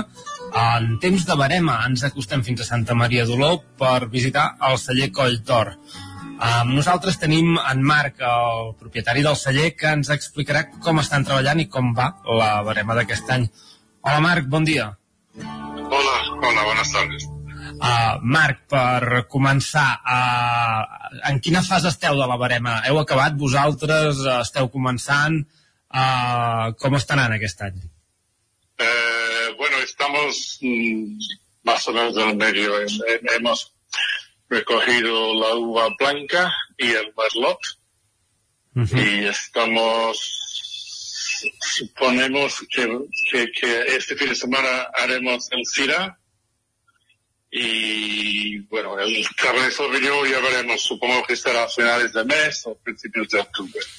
Clar, aquest, aquest any amb la climatologia ha estat una mica complicada, ha fet molta calor, poca pluja a principis d'any. Uh, La collita serà, serà bona o, o com serà aquí al Moianès? A ver, la calidad es muy buena. Ah, esto está claro. Lo, que pasa es que la cantidad es mucho inferior ah, de lo que estamos acostumbrados. Yo creo que el merlot, de lo que he visto, estamos casi un poco más de la mitad del año pasado. Y el año pasado era poco. O sea que ah, el blanco no, puedo, no, no tengo comparación porque es el primer año que, que hemos ah, recogido blanco. Sí, de fet, l'última vegada que vam venir ens parlaves de que plantaríeu uh, vinyes per fer uh, vi blanc. Quin, quina varietat heu plantat? Hemos plantado pica-pollo blanc y macabeo, principalmente el pica-pollo blanc. sé que yo imagino que con el tiempo ya veremos, pero tendremos un cupaje aproximadamente de eh, 80% pica-pollo y 20 macabeos, más o menos. eh, sería eh, eh, esta, estos porcentajes. Aquest seria un, un vi nou que traureu a, aquest any. Suposo que, que continueu amb els dos que, que teníeu vosaltres, el, el Cirà i, i el Merlot, no? Sí, ah, bueno, ah, de hecho, ah, a ver, este año no había ningún daño a la... El año pasado tuvimos un daño de- de- del porc singular en, en las en el Pickleball Blank, que fue una de las razones por que no, no pudimos hacer, porque no había suficiente. Este año ah, no ha entrado ning- ni- ningún por, singular, pero ah, debido a la sequía, pues hay muy pocos kilos y ah, este quiere decir que, que no hay suficiente para, para comercializar un vino blanco es- es- este año, que es una lástima, pero ah, yo creo que tendremos 200 botellas que me parece que para esto ya sería hacer, cuestión de hacer un poco de ruido, algo, eh, regalar algunas botellas, a ver qué tal la calidad, sobre todo hacer pruebas, ¿no? El, el primer año, a ver qué tal. Clar, també et volia preguntar sobre un celler petit, en aquests dies de barema, com, com us organitzeu, com treballeu? Uh, esteu tot el dia a la vinya, uh, heu de baremar uns dies concrets, uh, com us organitzeu? Sí, sí, no organizamos um, ah, hacemos días concretos. ah, el viernes se hizo lo poco blanco que había, se hizo por la mañana del viernes, ah, el Marlot, ah, y se, se hizo todo el domingo y, y- y lunes por la mañana, y ahora pues ahora esperamos una semana más para, para hacer el gira. Entonces, ah, somos, somos unos pocos, nosotros, eh, familiares que pueden venir y alguna ayuda más.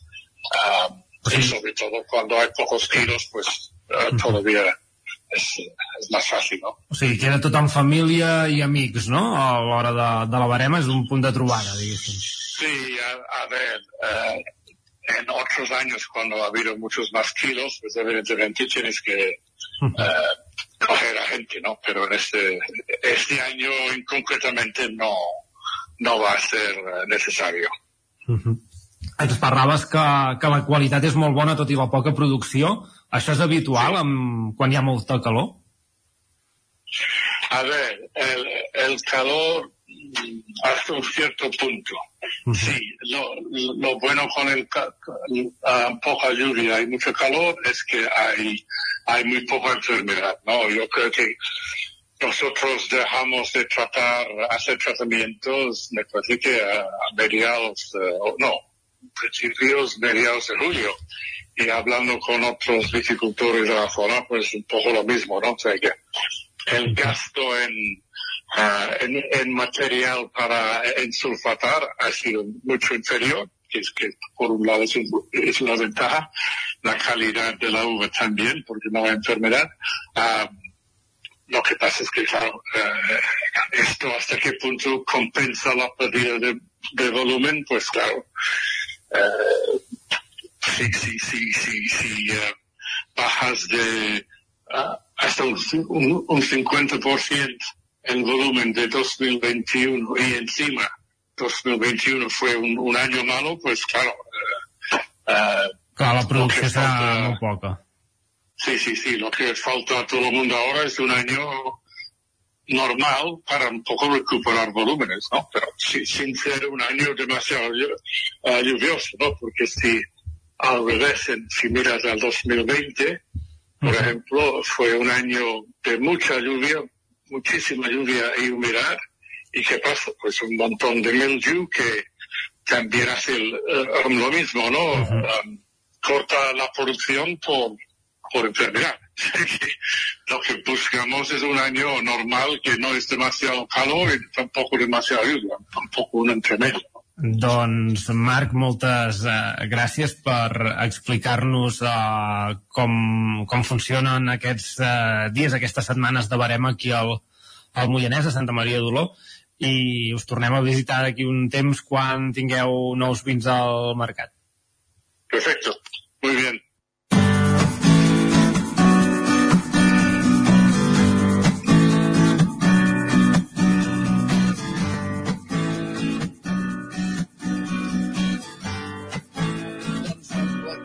L'experiència de la Brema al celler Colltor, de Santa Maria d'Oló, al Moianès. Completem el territori sostenible i anem a la recta final del territori 17 d'avui di... dimecres. Una recta final, un territori 17 que els dimecres cada 15 dies ja sabeu que té un final molt literari. Primer ens visitarà la Cristina en Fruns, més tard anirem al Lletra Ferís fins a Sant Joan de les Abadenses, no sense abans passar pel món digital, pel món de Twitter, amb en Guillem Sánchez, que ja el tenim situant-se a l'estudi. Tot seguit, el territori 17 d'aquí, 3 minutets, fins ara. El nou FM, la ràdio de casa, al 92.8. Cobertes serveis funeraris. Els nostres tanatoris estan ubicats en els nuclis urbans més poblats de la comarca d'Osona per oferir un millor servei. Tanatori de Vic, Tanatori de Manlleu, Tanatori de Centelles i Tanatori de Roda de Ter. Sabem que són moments difícils i per això el nostre compromís és atendre-us en tot moment amb un tracte humà, sensible i respectuós. Cobertes serveis funeraris. Telèfon 24 hores 93 883 23 46. Centre Auditiu Aural. Som al carrer Jacint Verdaguer 17 de Vic. Telèfon 93 883 59 79. Aural Vic, el camí cap a la millor audició i el benestar. Vols netejar més fàcilment el jardí, la terrassa o el garatge? Al 99 i Vicreu regalen una hidronetejadora estil valorada en 155 euros. Neteja alta pressió de manera fàcil i pràctica. Per aconseguir-la només has d'entrar al perfil d'Instagram del 99, buscar entre les últimes publicacions i participar al sorteig tot seguint les instruccions. Tens temps fins al diumenge 18 de setembre. Amb Pradell estalvio energia i cuido la meva butxaca i el medi ambient. Posa't en mans a Pradell, són experts en calderes de gas i condensació, estufes de pèl·let, energia solar, terres radiants i geotèrmia. Pradell instal·la calderes de biomassa per a particulars i per a empreses. Si vols estalviar un 50% en consum, contacta amb Pradell i passa't a les energies renovables. Pradell, som a l'Avinguda Països Catalans 27 de Vic. Telèfon 93 885 11 97. Pradell.cat. Cocodril Club. Si t'agrada la bona música dels anys 60, 70 i 80, escolta el 9 FM als matins de dissabtes i diumenges d'11 a 1. És el temps del Cocodril Club, tot un clàssic de la ràdio, amb les bases del pop-rock, les llegendes, les cançons que s'han convertit en autèntics himnes. Recorda, dissabtes i diumenges al matí, d'11 a 1, al 9 FM 92.8. Cocodril Club, el programa revival de l'Albert Malla. Hasta luego, cocodrilo. La taverna d'en Sigoro. Fem esmorzars de forquilla, dinars, sopars i tenim una gran varietat de tapes i plats per escollir. Cuina oberta tot el dia. Tenim peix fresc de la llotja. No et perdis el nostre extraordinari pop. Vine a la nostra terrassa. La taverna d'en Sidoro. Som al carrer Pirineus 20 del polígon Mas Galí de Bur. Telèfon 93 883 1689. Anuncia't al 9FM. La màquina de casa. 9 3 8 8 9 4 9 4 9. Publicitat arroba al 9FM.cat. Anuncia't al 9FM. La publicitat més eficaç. En punt dos quarts d'onze al territori 17, Laura Sánchez.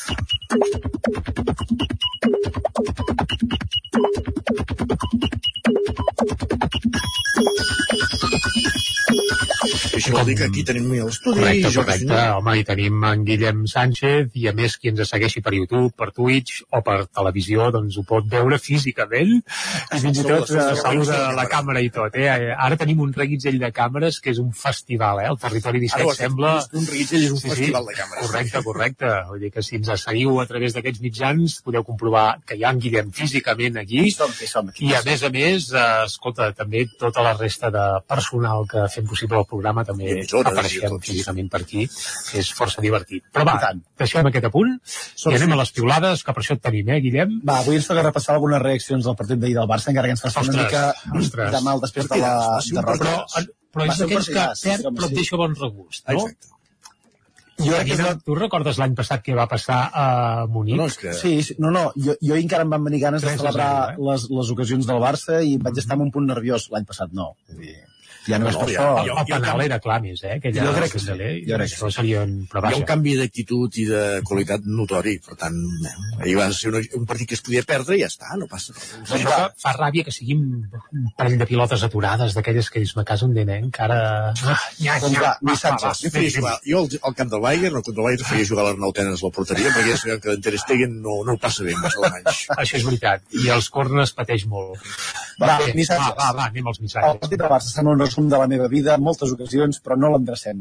Ostres, ostres, de qui és aquest missatge? D'un usuari que té un nom que prefereixo no dir en antena perquè potser podria inferir alguna sensibilitat eh, Doncs- molt sensible. Bé, va, doncs.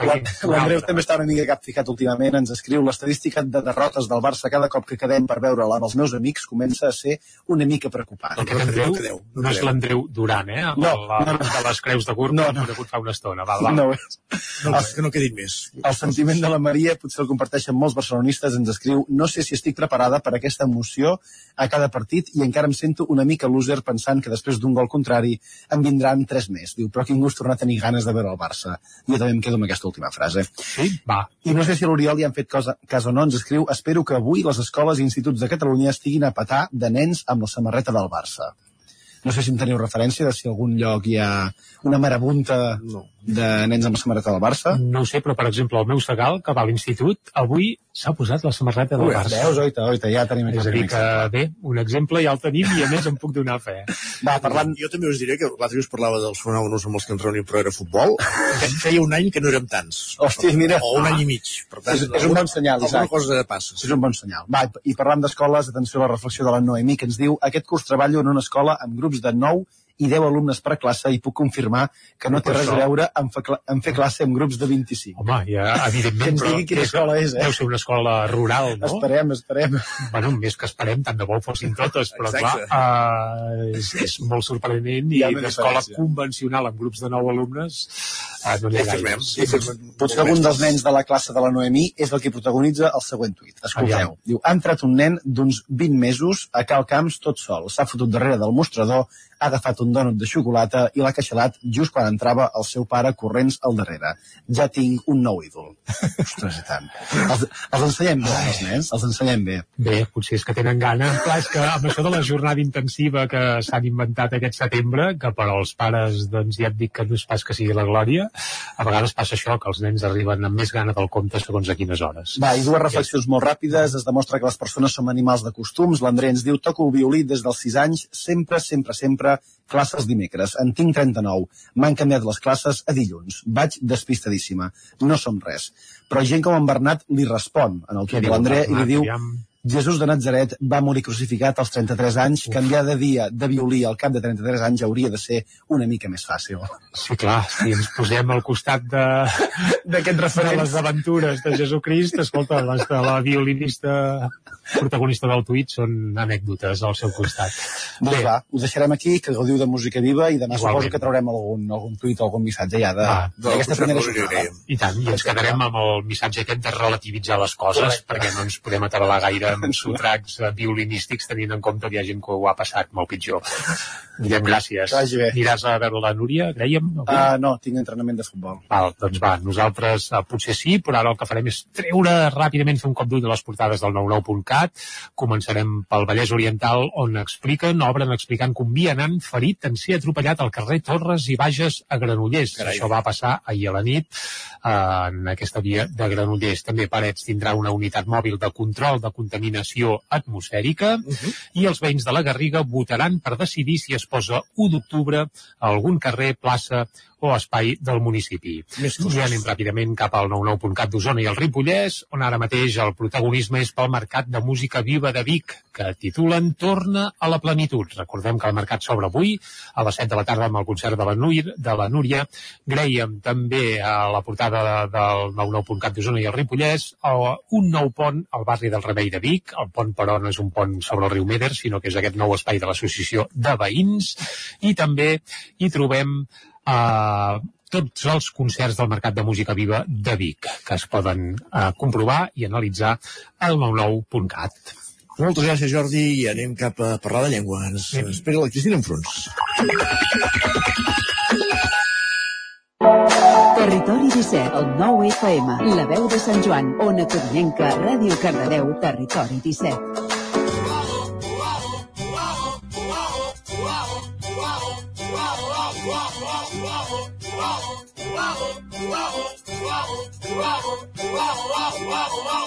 Me sobren paraules, agulla, fil, cosí, tisores, estufa, me sobren paraules, vermut, patates, olives, paraules molt curtes, pi, paraules molt llargues, esternocosmastoideu, paraules molt fàcils, mamà, paraules difícils, obliquitat, i jo ja sé, me falten paraules per explicar què significa per això, me falten paraules. Doncs, com sempre, la sintonia amb aquesta cançonassa de l'Antònia Font, que ens convida a escoltar, parlar amb la Cristina Enfruns, aquí ja saludem, ben tornada a una nova temporada, Cristina. Hola, bon dia. Amb quina paraula et fixes avui, o t'has fixat avui? Doncs mira, avui de saber en Jordi, perquè l'he escoltat i he sentit que deia que jo, a veure si feia alguna cosa relacionada amb el mercat de música. I jo, doncs no. No, no. No. De què va avui el tema? potser sí, no? Un calçador... Ni així. Ah, ni així. De què va avui. Cristina, això? Mira, eh, tenia ganes d'aquesta temporada de- d'anar introduint curiositats i dubtes que, que ens, ens pregunten en, en català. I avui comencem per la pregunta que moltes vegades ens fem, que és què hem d'usar? El tu, el vostè o el vos? Mm? Mhm. Com hem de tractar la persona amb qui, a, a qui ens dirigim, no? Pensem que el català té un sistema de tractaments estructurat en tres graus, que són el tu, el vos i el vostè. Mm? Sí. El, el tractament de tu és el que actualment fem servir quan ens endrecem a algú amb qui tenim una relació social de proximitat. Jo dic, què vols, Isaac? Mm? Per exemple. El tractament de vostè és el que es fa de la tercera persona gramatical, en tant si és en singular com en plural, quan ens adrecem a un o a diversos destinataris directes, en lloc de la segona persona, que seria el tractament de tu. Mm, Si tu dius, què li semblen les mesures que s'han pres? Seria el tractament de vostè. Per contra, què et semblen les mesures que s'han pres? Seria el tractament de tu. Eh? I, per últim, hi ha el tractament de vos, que és, és l'ús que es fa per adreçar-se a, a un sol interlocutor. Eh, què voleu, senyor gent? Podem dir que entre el vostè i el vos, eh, eh, el tractament de vos té diversos avantatges en relació amb vostè. Mm? Una seria que evita ambigüitats amb la tercera persona del singular. És a dir, si jo faig, per exemple, eh, una frase que digui pel que fa al material lliurat al senyor Camps, li faig saber que li he enviat el seu albarà, sí. porta dubtes, no? Perquè dius, de qui és l'albarà? del senyor Camps o, o del destinatari del missatge. En canvi, si diem sobre el material, material lliurat al senyor Camps us faig saber que li he enviat el seu albarà, amb aquest tractament doncs, de vos no hi és aquesta ambigüitat. Correcte. Mm? Aquest seria un avantatge i un altre també molt important és que no, necessit, no necessites saber si uh, la persona és masculí o femení. Eh? Pots dir tu, m'agradaria saludar-vos i tant pot ser un femení com masculí, en, per contra, m'agradaria saludar-lo m'agradaria saludar-li quan tra- ai, saludar-lo quan tractes de, de vostè, per tant eh, té més avantatges, això sí. El que sí que hem de vigilar és de no barrejar eh, els dos tractaments, eh? Si fem servir en, una, mm, en un escrit vos, el tractament vos, tota l'estona farem servir vos i al revés amb el vostè. Eh? Molt bé. Fins, pensa que fins a mitjan del segle XX sí. el tractament de vos i sobretot de vostè era molt habitual entre les persones, eh? ja si, encara que fossin conegudes, com no, en canvi avui si t'hi fixes pràcticament només, desús, pràcticament. només es fa servir el tu mm? el vostè ha quedat molt arraconat i el vos mm, pràcticament podríem dir que ha, ha desaparegut Anava a dir, va, va per barris, més aviat va per generacions, no? De fet. Eh, segurament, sí, sí, sí, sí, és així. Uh, ja t'ho explicaré ara què passa a a l'àrea metropolitana de Barcelona, però uh, potser aquest bosc uh, uh, només es fa servir en, en, en construccions que ja tenim arrelades, com per exemple uh, Déu vos guard, sí. o, o Déu siau, que aquestes sí que ja eh, són amb el tractament de bosc, però ja estan construïdes, i també es fa servir eh, en la religió, eh? Hi ha un, una oració que diu vos sou senyor, no? Tractes eh, el senyor de, de vostè. Ara bé, en l'àmbit metropolità de Barcelona, per exemple, si t'hi fixes, gairebé no, ja no se sent a parlar de vos quan es tracta a, a, una persona gran. Eh? Eh, segurament hi ha moltes persones que no han fet servir mai aquesta forma personal mm, i ni, ni l'usen. Eh? Per tant, gairebé podem dir eh, que ha desaparegut. L'únic lloc que encara existeix aquest tractament de bosc és en, en l'administració. Eh? Quan sí. tu t'envien una notificació, per exemple, sí que fan servir aquest tractament. Us comuniquem que heu d'abonar aquest import. Mm? Sempre queda més suau. Sí, eh, en llengua escrita es conserva segurament per convicció. Eh? Per tant, el llenguatge administratiu és dels pocs àmbits què s'usen les formes de la segona persona del plural per comunicar-se a un únic destinatari per mostrar això, respecte o, o cordialitat.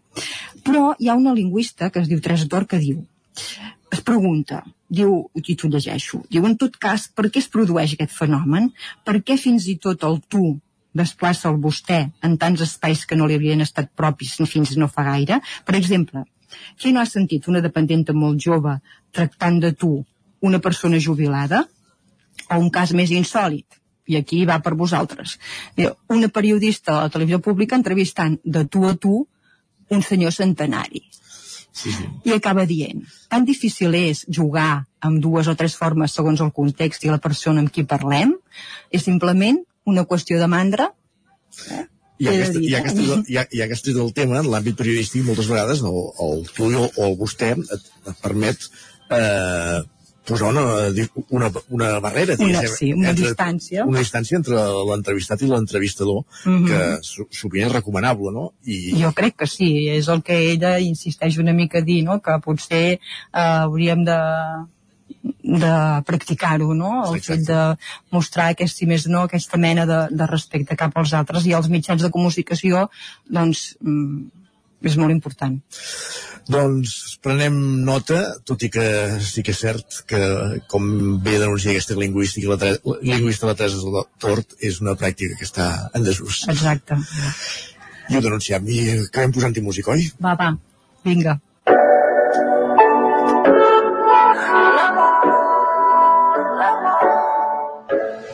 Tothom en parla i ningú sap el que és. L'amor pot ser tu, pot ser Roma al revés. L'amor mai es té, t'atrapa o s'escapa. L'amor es fa de peu o de quatre grapes. L'amor que dona consol, l'amor que marxa quan encara sol. L'amor que incendia tot el món sencer. L'amor que s'apaga i El amor no me gusta más, no me gusta más, no me gusta más, no me gusta más, no me gusta más, no me gusta no me gusta más, no me gusta más, no me gusta más, no me gusta más, no me gusta más, no me no me gusta más, no no me gusta más, no me gusta más, no me gusta más, no me gusta me gusta más, no Hi ha tants amors com maneres de viure. Potser el més distret deu ser l'amor lliure. L'amor de pel·lícules dels més esperats. Que algú t'ha de dir que mai arribarà. Tengo un contracte de la casa escau, sentir-te lliure fora dins el cau. Que si som res no podrà parar, que fins i tot sempre serà un regal. I don't give a fuck, I don't give a fuck. No sento res. No, com que no sento? Ara. Ara. Jo no tocat res, eh? Ara. Eh, què, què és aquesta cançó que ens estàs portant? Eh? Ah, Gertrudis, Molt bé. I per què? perquè s'acaba l'estiu. Però, per, i, i, estem en directe ja, Cristina, Ah, perquè ja pots explicar... Ah, doncs pensava que... Doncs bé, doncs no, no, a veure, però una cançó per acomiadar l'estiu, evidentment, eh? Acomiadem l'estiu i, i per això he portat aquesta, aquesta cançó de Gertrudis d'Amor XXL. Què hi trobem aquí? Bé, primer comencem eh, la frase que diu tothom en parla i ningú sap el que és. Aquest relatiu que ja havíem comentat moltes vegades eh, eh, en, en altres sessions, eh? ha de ser àton i per tant tothom sap el que és. Bueno, aquest ja és, és repetitiu de, de moltes de les cançons.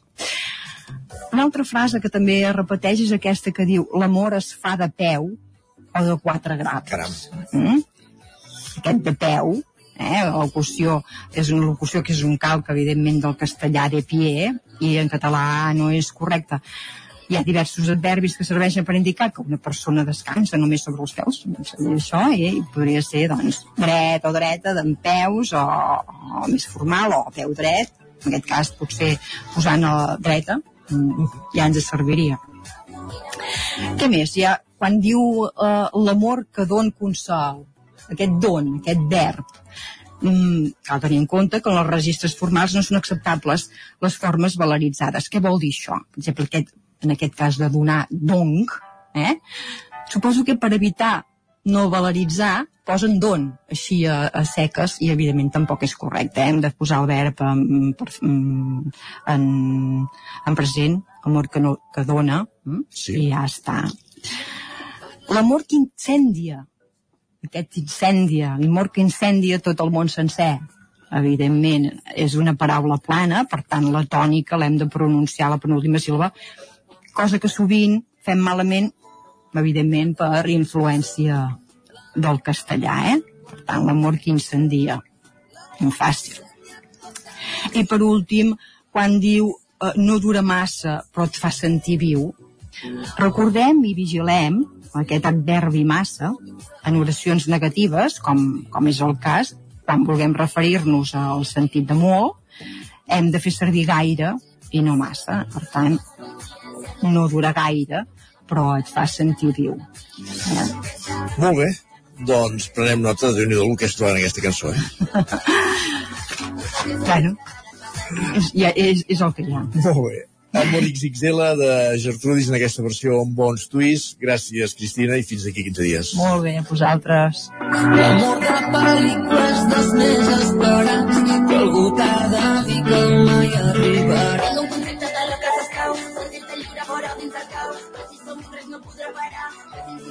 I don't give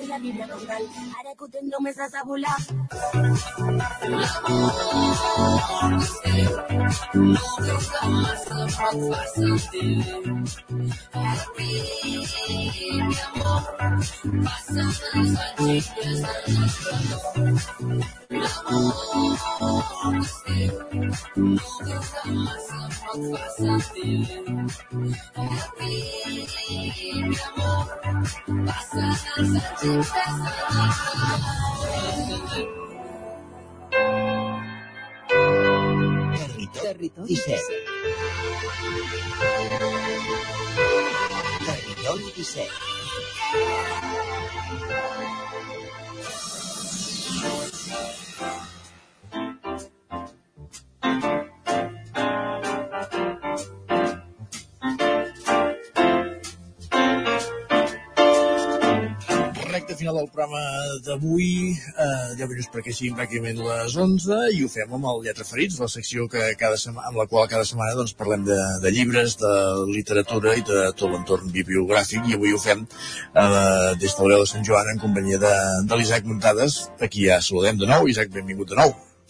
Bon dia, Isaac, bon dia.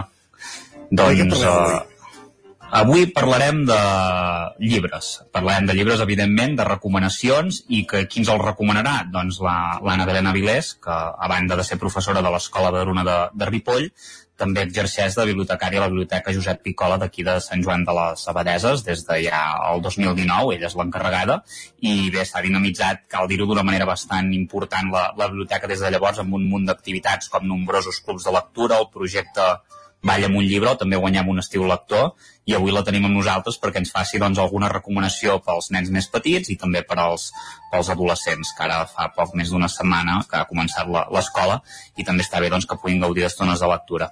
Bon dia, Anna, i moltes gràcies per ser avui amb nosaltres. Hola, bon dia a tots. Gràcies per convidar-me. Anna, som tot orelles. Crec que ens portes tres recomanacions, una per nens més petits, una altra per nens que ja saben llegir i una per, per adolescents. Eh? No sé per on vols començar. Què, què ens portes avui? Mira, jo crec que anirem per ordre d'edat. El primer que us he portat és, perdó, un llibre de la sèrie Gos Pudent. Uh, per, qui no el cone per qui no els conegui, uh, els llibres de Gos Pudent són uns gossos protagonitzats per un gos de carrer, per un gos pataner i per al seu amic, el gat enxapat. I aquest gos eh, li passen una sèrie d'aventures, de fet és tota una sèrie, em sembla que es porta publicat sis o set llibres, si no m'equivoco, en la que li passen una sèrie de coses a les quals ell s'enfronta amb la seva suposada intel·ligència limitada, perquè és un gos de carrer pataner i, clar, s'ha hagut d'espavilar molt per sobreviure, per tant, d'intel·ligència en té molta, però, però a vegades són aventures molt i molt divertides, dirigides a nens de cicle inicial, si ja són bons lectors, més justets, i cicle mitjà. Llavors, eh, per una mica més endavant, per als nens de cicle superior de primària, els que fan 5è i 6è, perquè ens entenguem, us he portat eh, Fantasma, que és, eh, en aquest cas es tracta d'un còmic, la seva autora és la Raina Tercemeyer, Uh, el còmic és una porta d'entrada magnífica per a la lectura d'aquells que són menys lectors, perquè uh, la, és tot molt visual, de seguida doncs, aquestes paraules associades amb aquestes imatges uh, enganxen, de, enganxen de seguida els que no són gaire lectors, i els que són molt, molt lectors, uh, la reina Schwarzenegger els hi encantarà, a part d'aquests fantasmes que està protagonitzat per una família que per qüestions de salut emigren a un poble de la costa per qüestions de la salut de la germana petita, que veieu aquí, aquí a la portada. Uh, té un asma bastant greu i necessiten, una, necessiten estar en una zona doncs, que li sigui climàticament més favorable.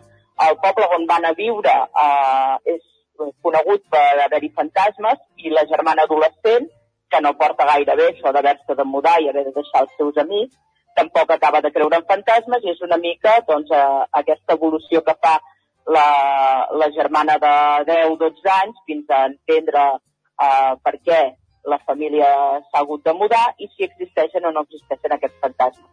Uh, com us deia, aquesta autora és una autora que en aquesta edat uh, té un èxit aclaparador.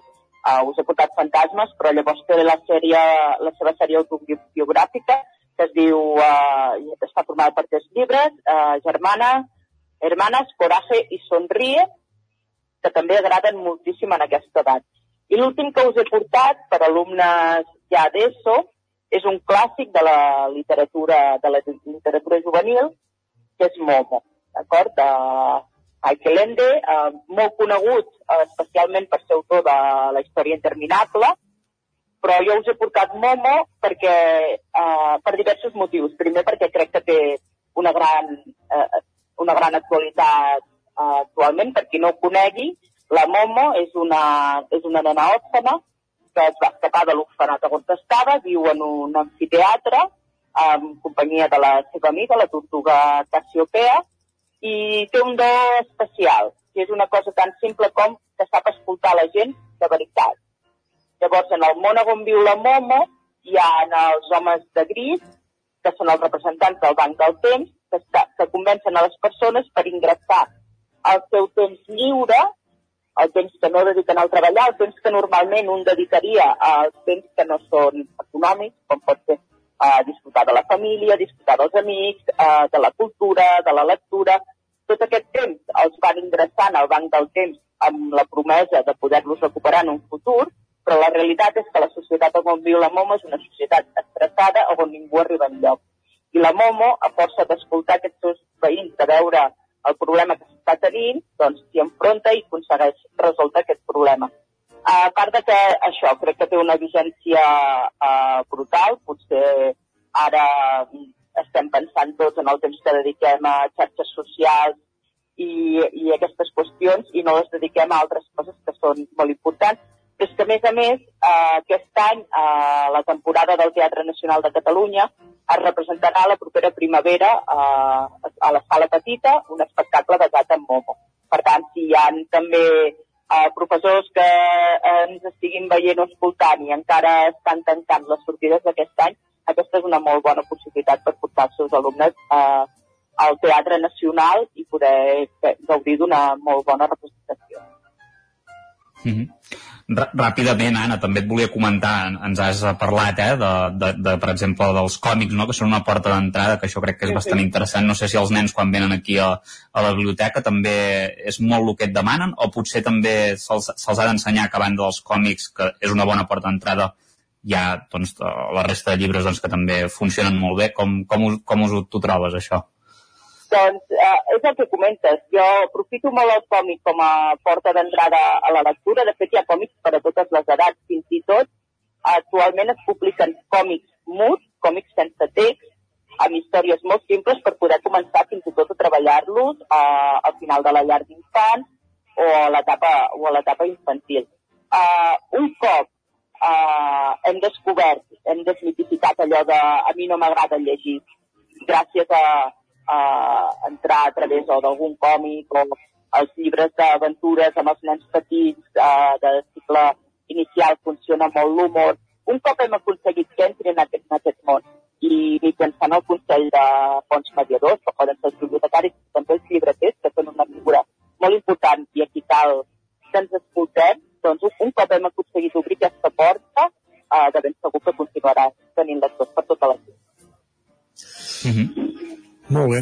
Uh, doncs avui que hem fet aquella lletra ferits des de la Biblioteca Josep Picola de, de Sant Joan de les Abadesses amb una dels seus responsables, amb l'Anna Vilena Vilés, que ens ha fet aquestes tres recomanacions de llibres uh, al lletra ferits per tancar el territori d'avui. Anna Vilena, moltíssimes gràcies per atendre'ns. Gràcies a vosaltres. Bon dia. Gràcies també, Isaac, per acompanyar-nos en aquesta recta final del programa d'avui, coneixent aquestes tres propostes que ens feia l'Anna Belén, i ja reemplaçant-te demà perquè estem esgotant els minuts de, de programa d'avui, eh? Exacte. Fins demà. Adéu-siau. I nosaltres el que fem ja és anar per, per acabar el programa d'avui, el Territori 17, que us ha acompanyat des de les 9 del matí i que arribarà al punt de les 11, després d'haver passat per molts punts de casa nostra. Hem descobert una nova proposta, un nou relat curt del concurs de narrativa curta a la gralla del 9-9 amb el suport de la Fundació Puigporret, eh, de la institució Puigporret. Hem anat fins a Camprodon per valorar com han estat totes aquestes incidències derivades de talls de subministrament elèctric i de telèfon a, a Camprodon amb el seu alcalde hem passat pel territori sostenible, hem, conegut, hem parlat de llengua i ara parlàvem de llibres, com dèiem, des de la Biblioteca de Sant Joan de les Abadesses. I tots sense les hores en punt. El territori 17 hi tornarà demà a partir de les 9 del matí. Avui us hem acompanyat Eva Costa, Òscar Muñoz, Caral Campàs, Givert, Guillem Sánchez, Cristina Enfruns, Isaac Montada, Jordi Sunyer i Isaac Moreno. Fins demà, que passeu molt bon dimecres. Gràcies per ser-hi. Adéu-siau, bon dia.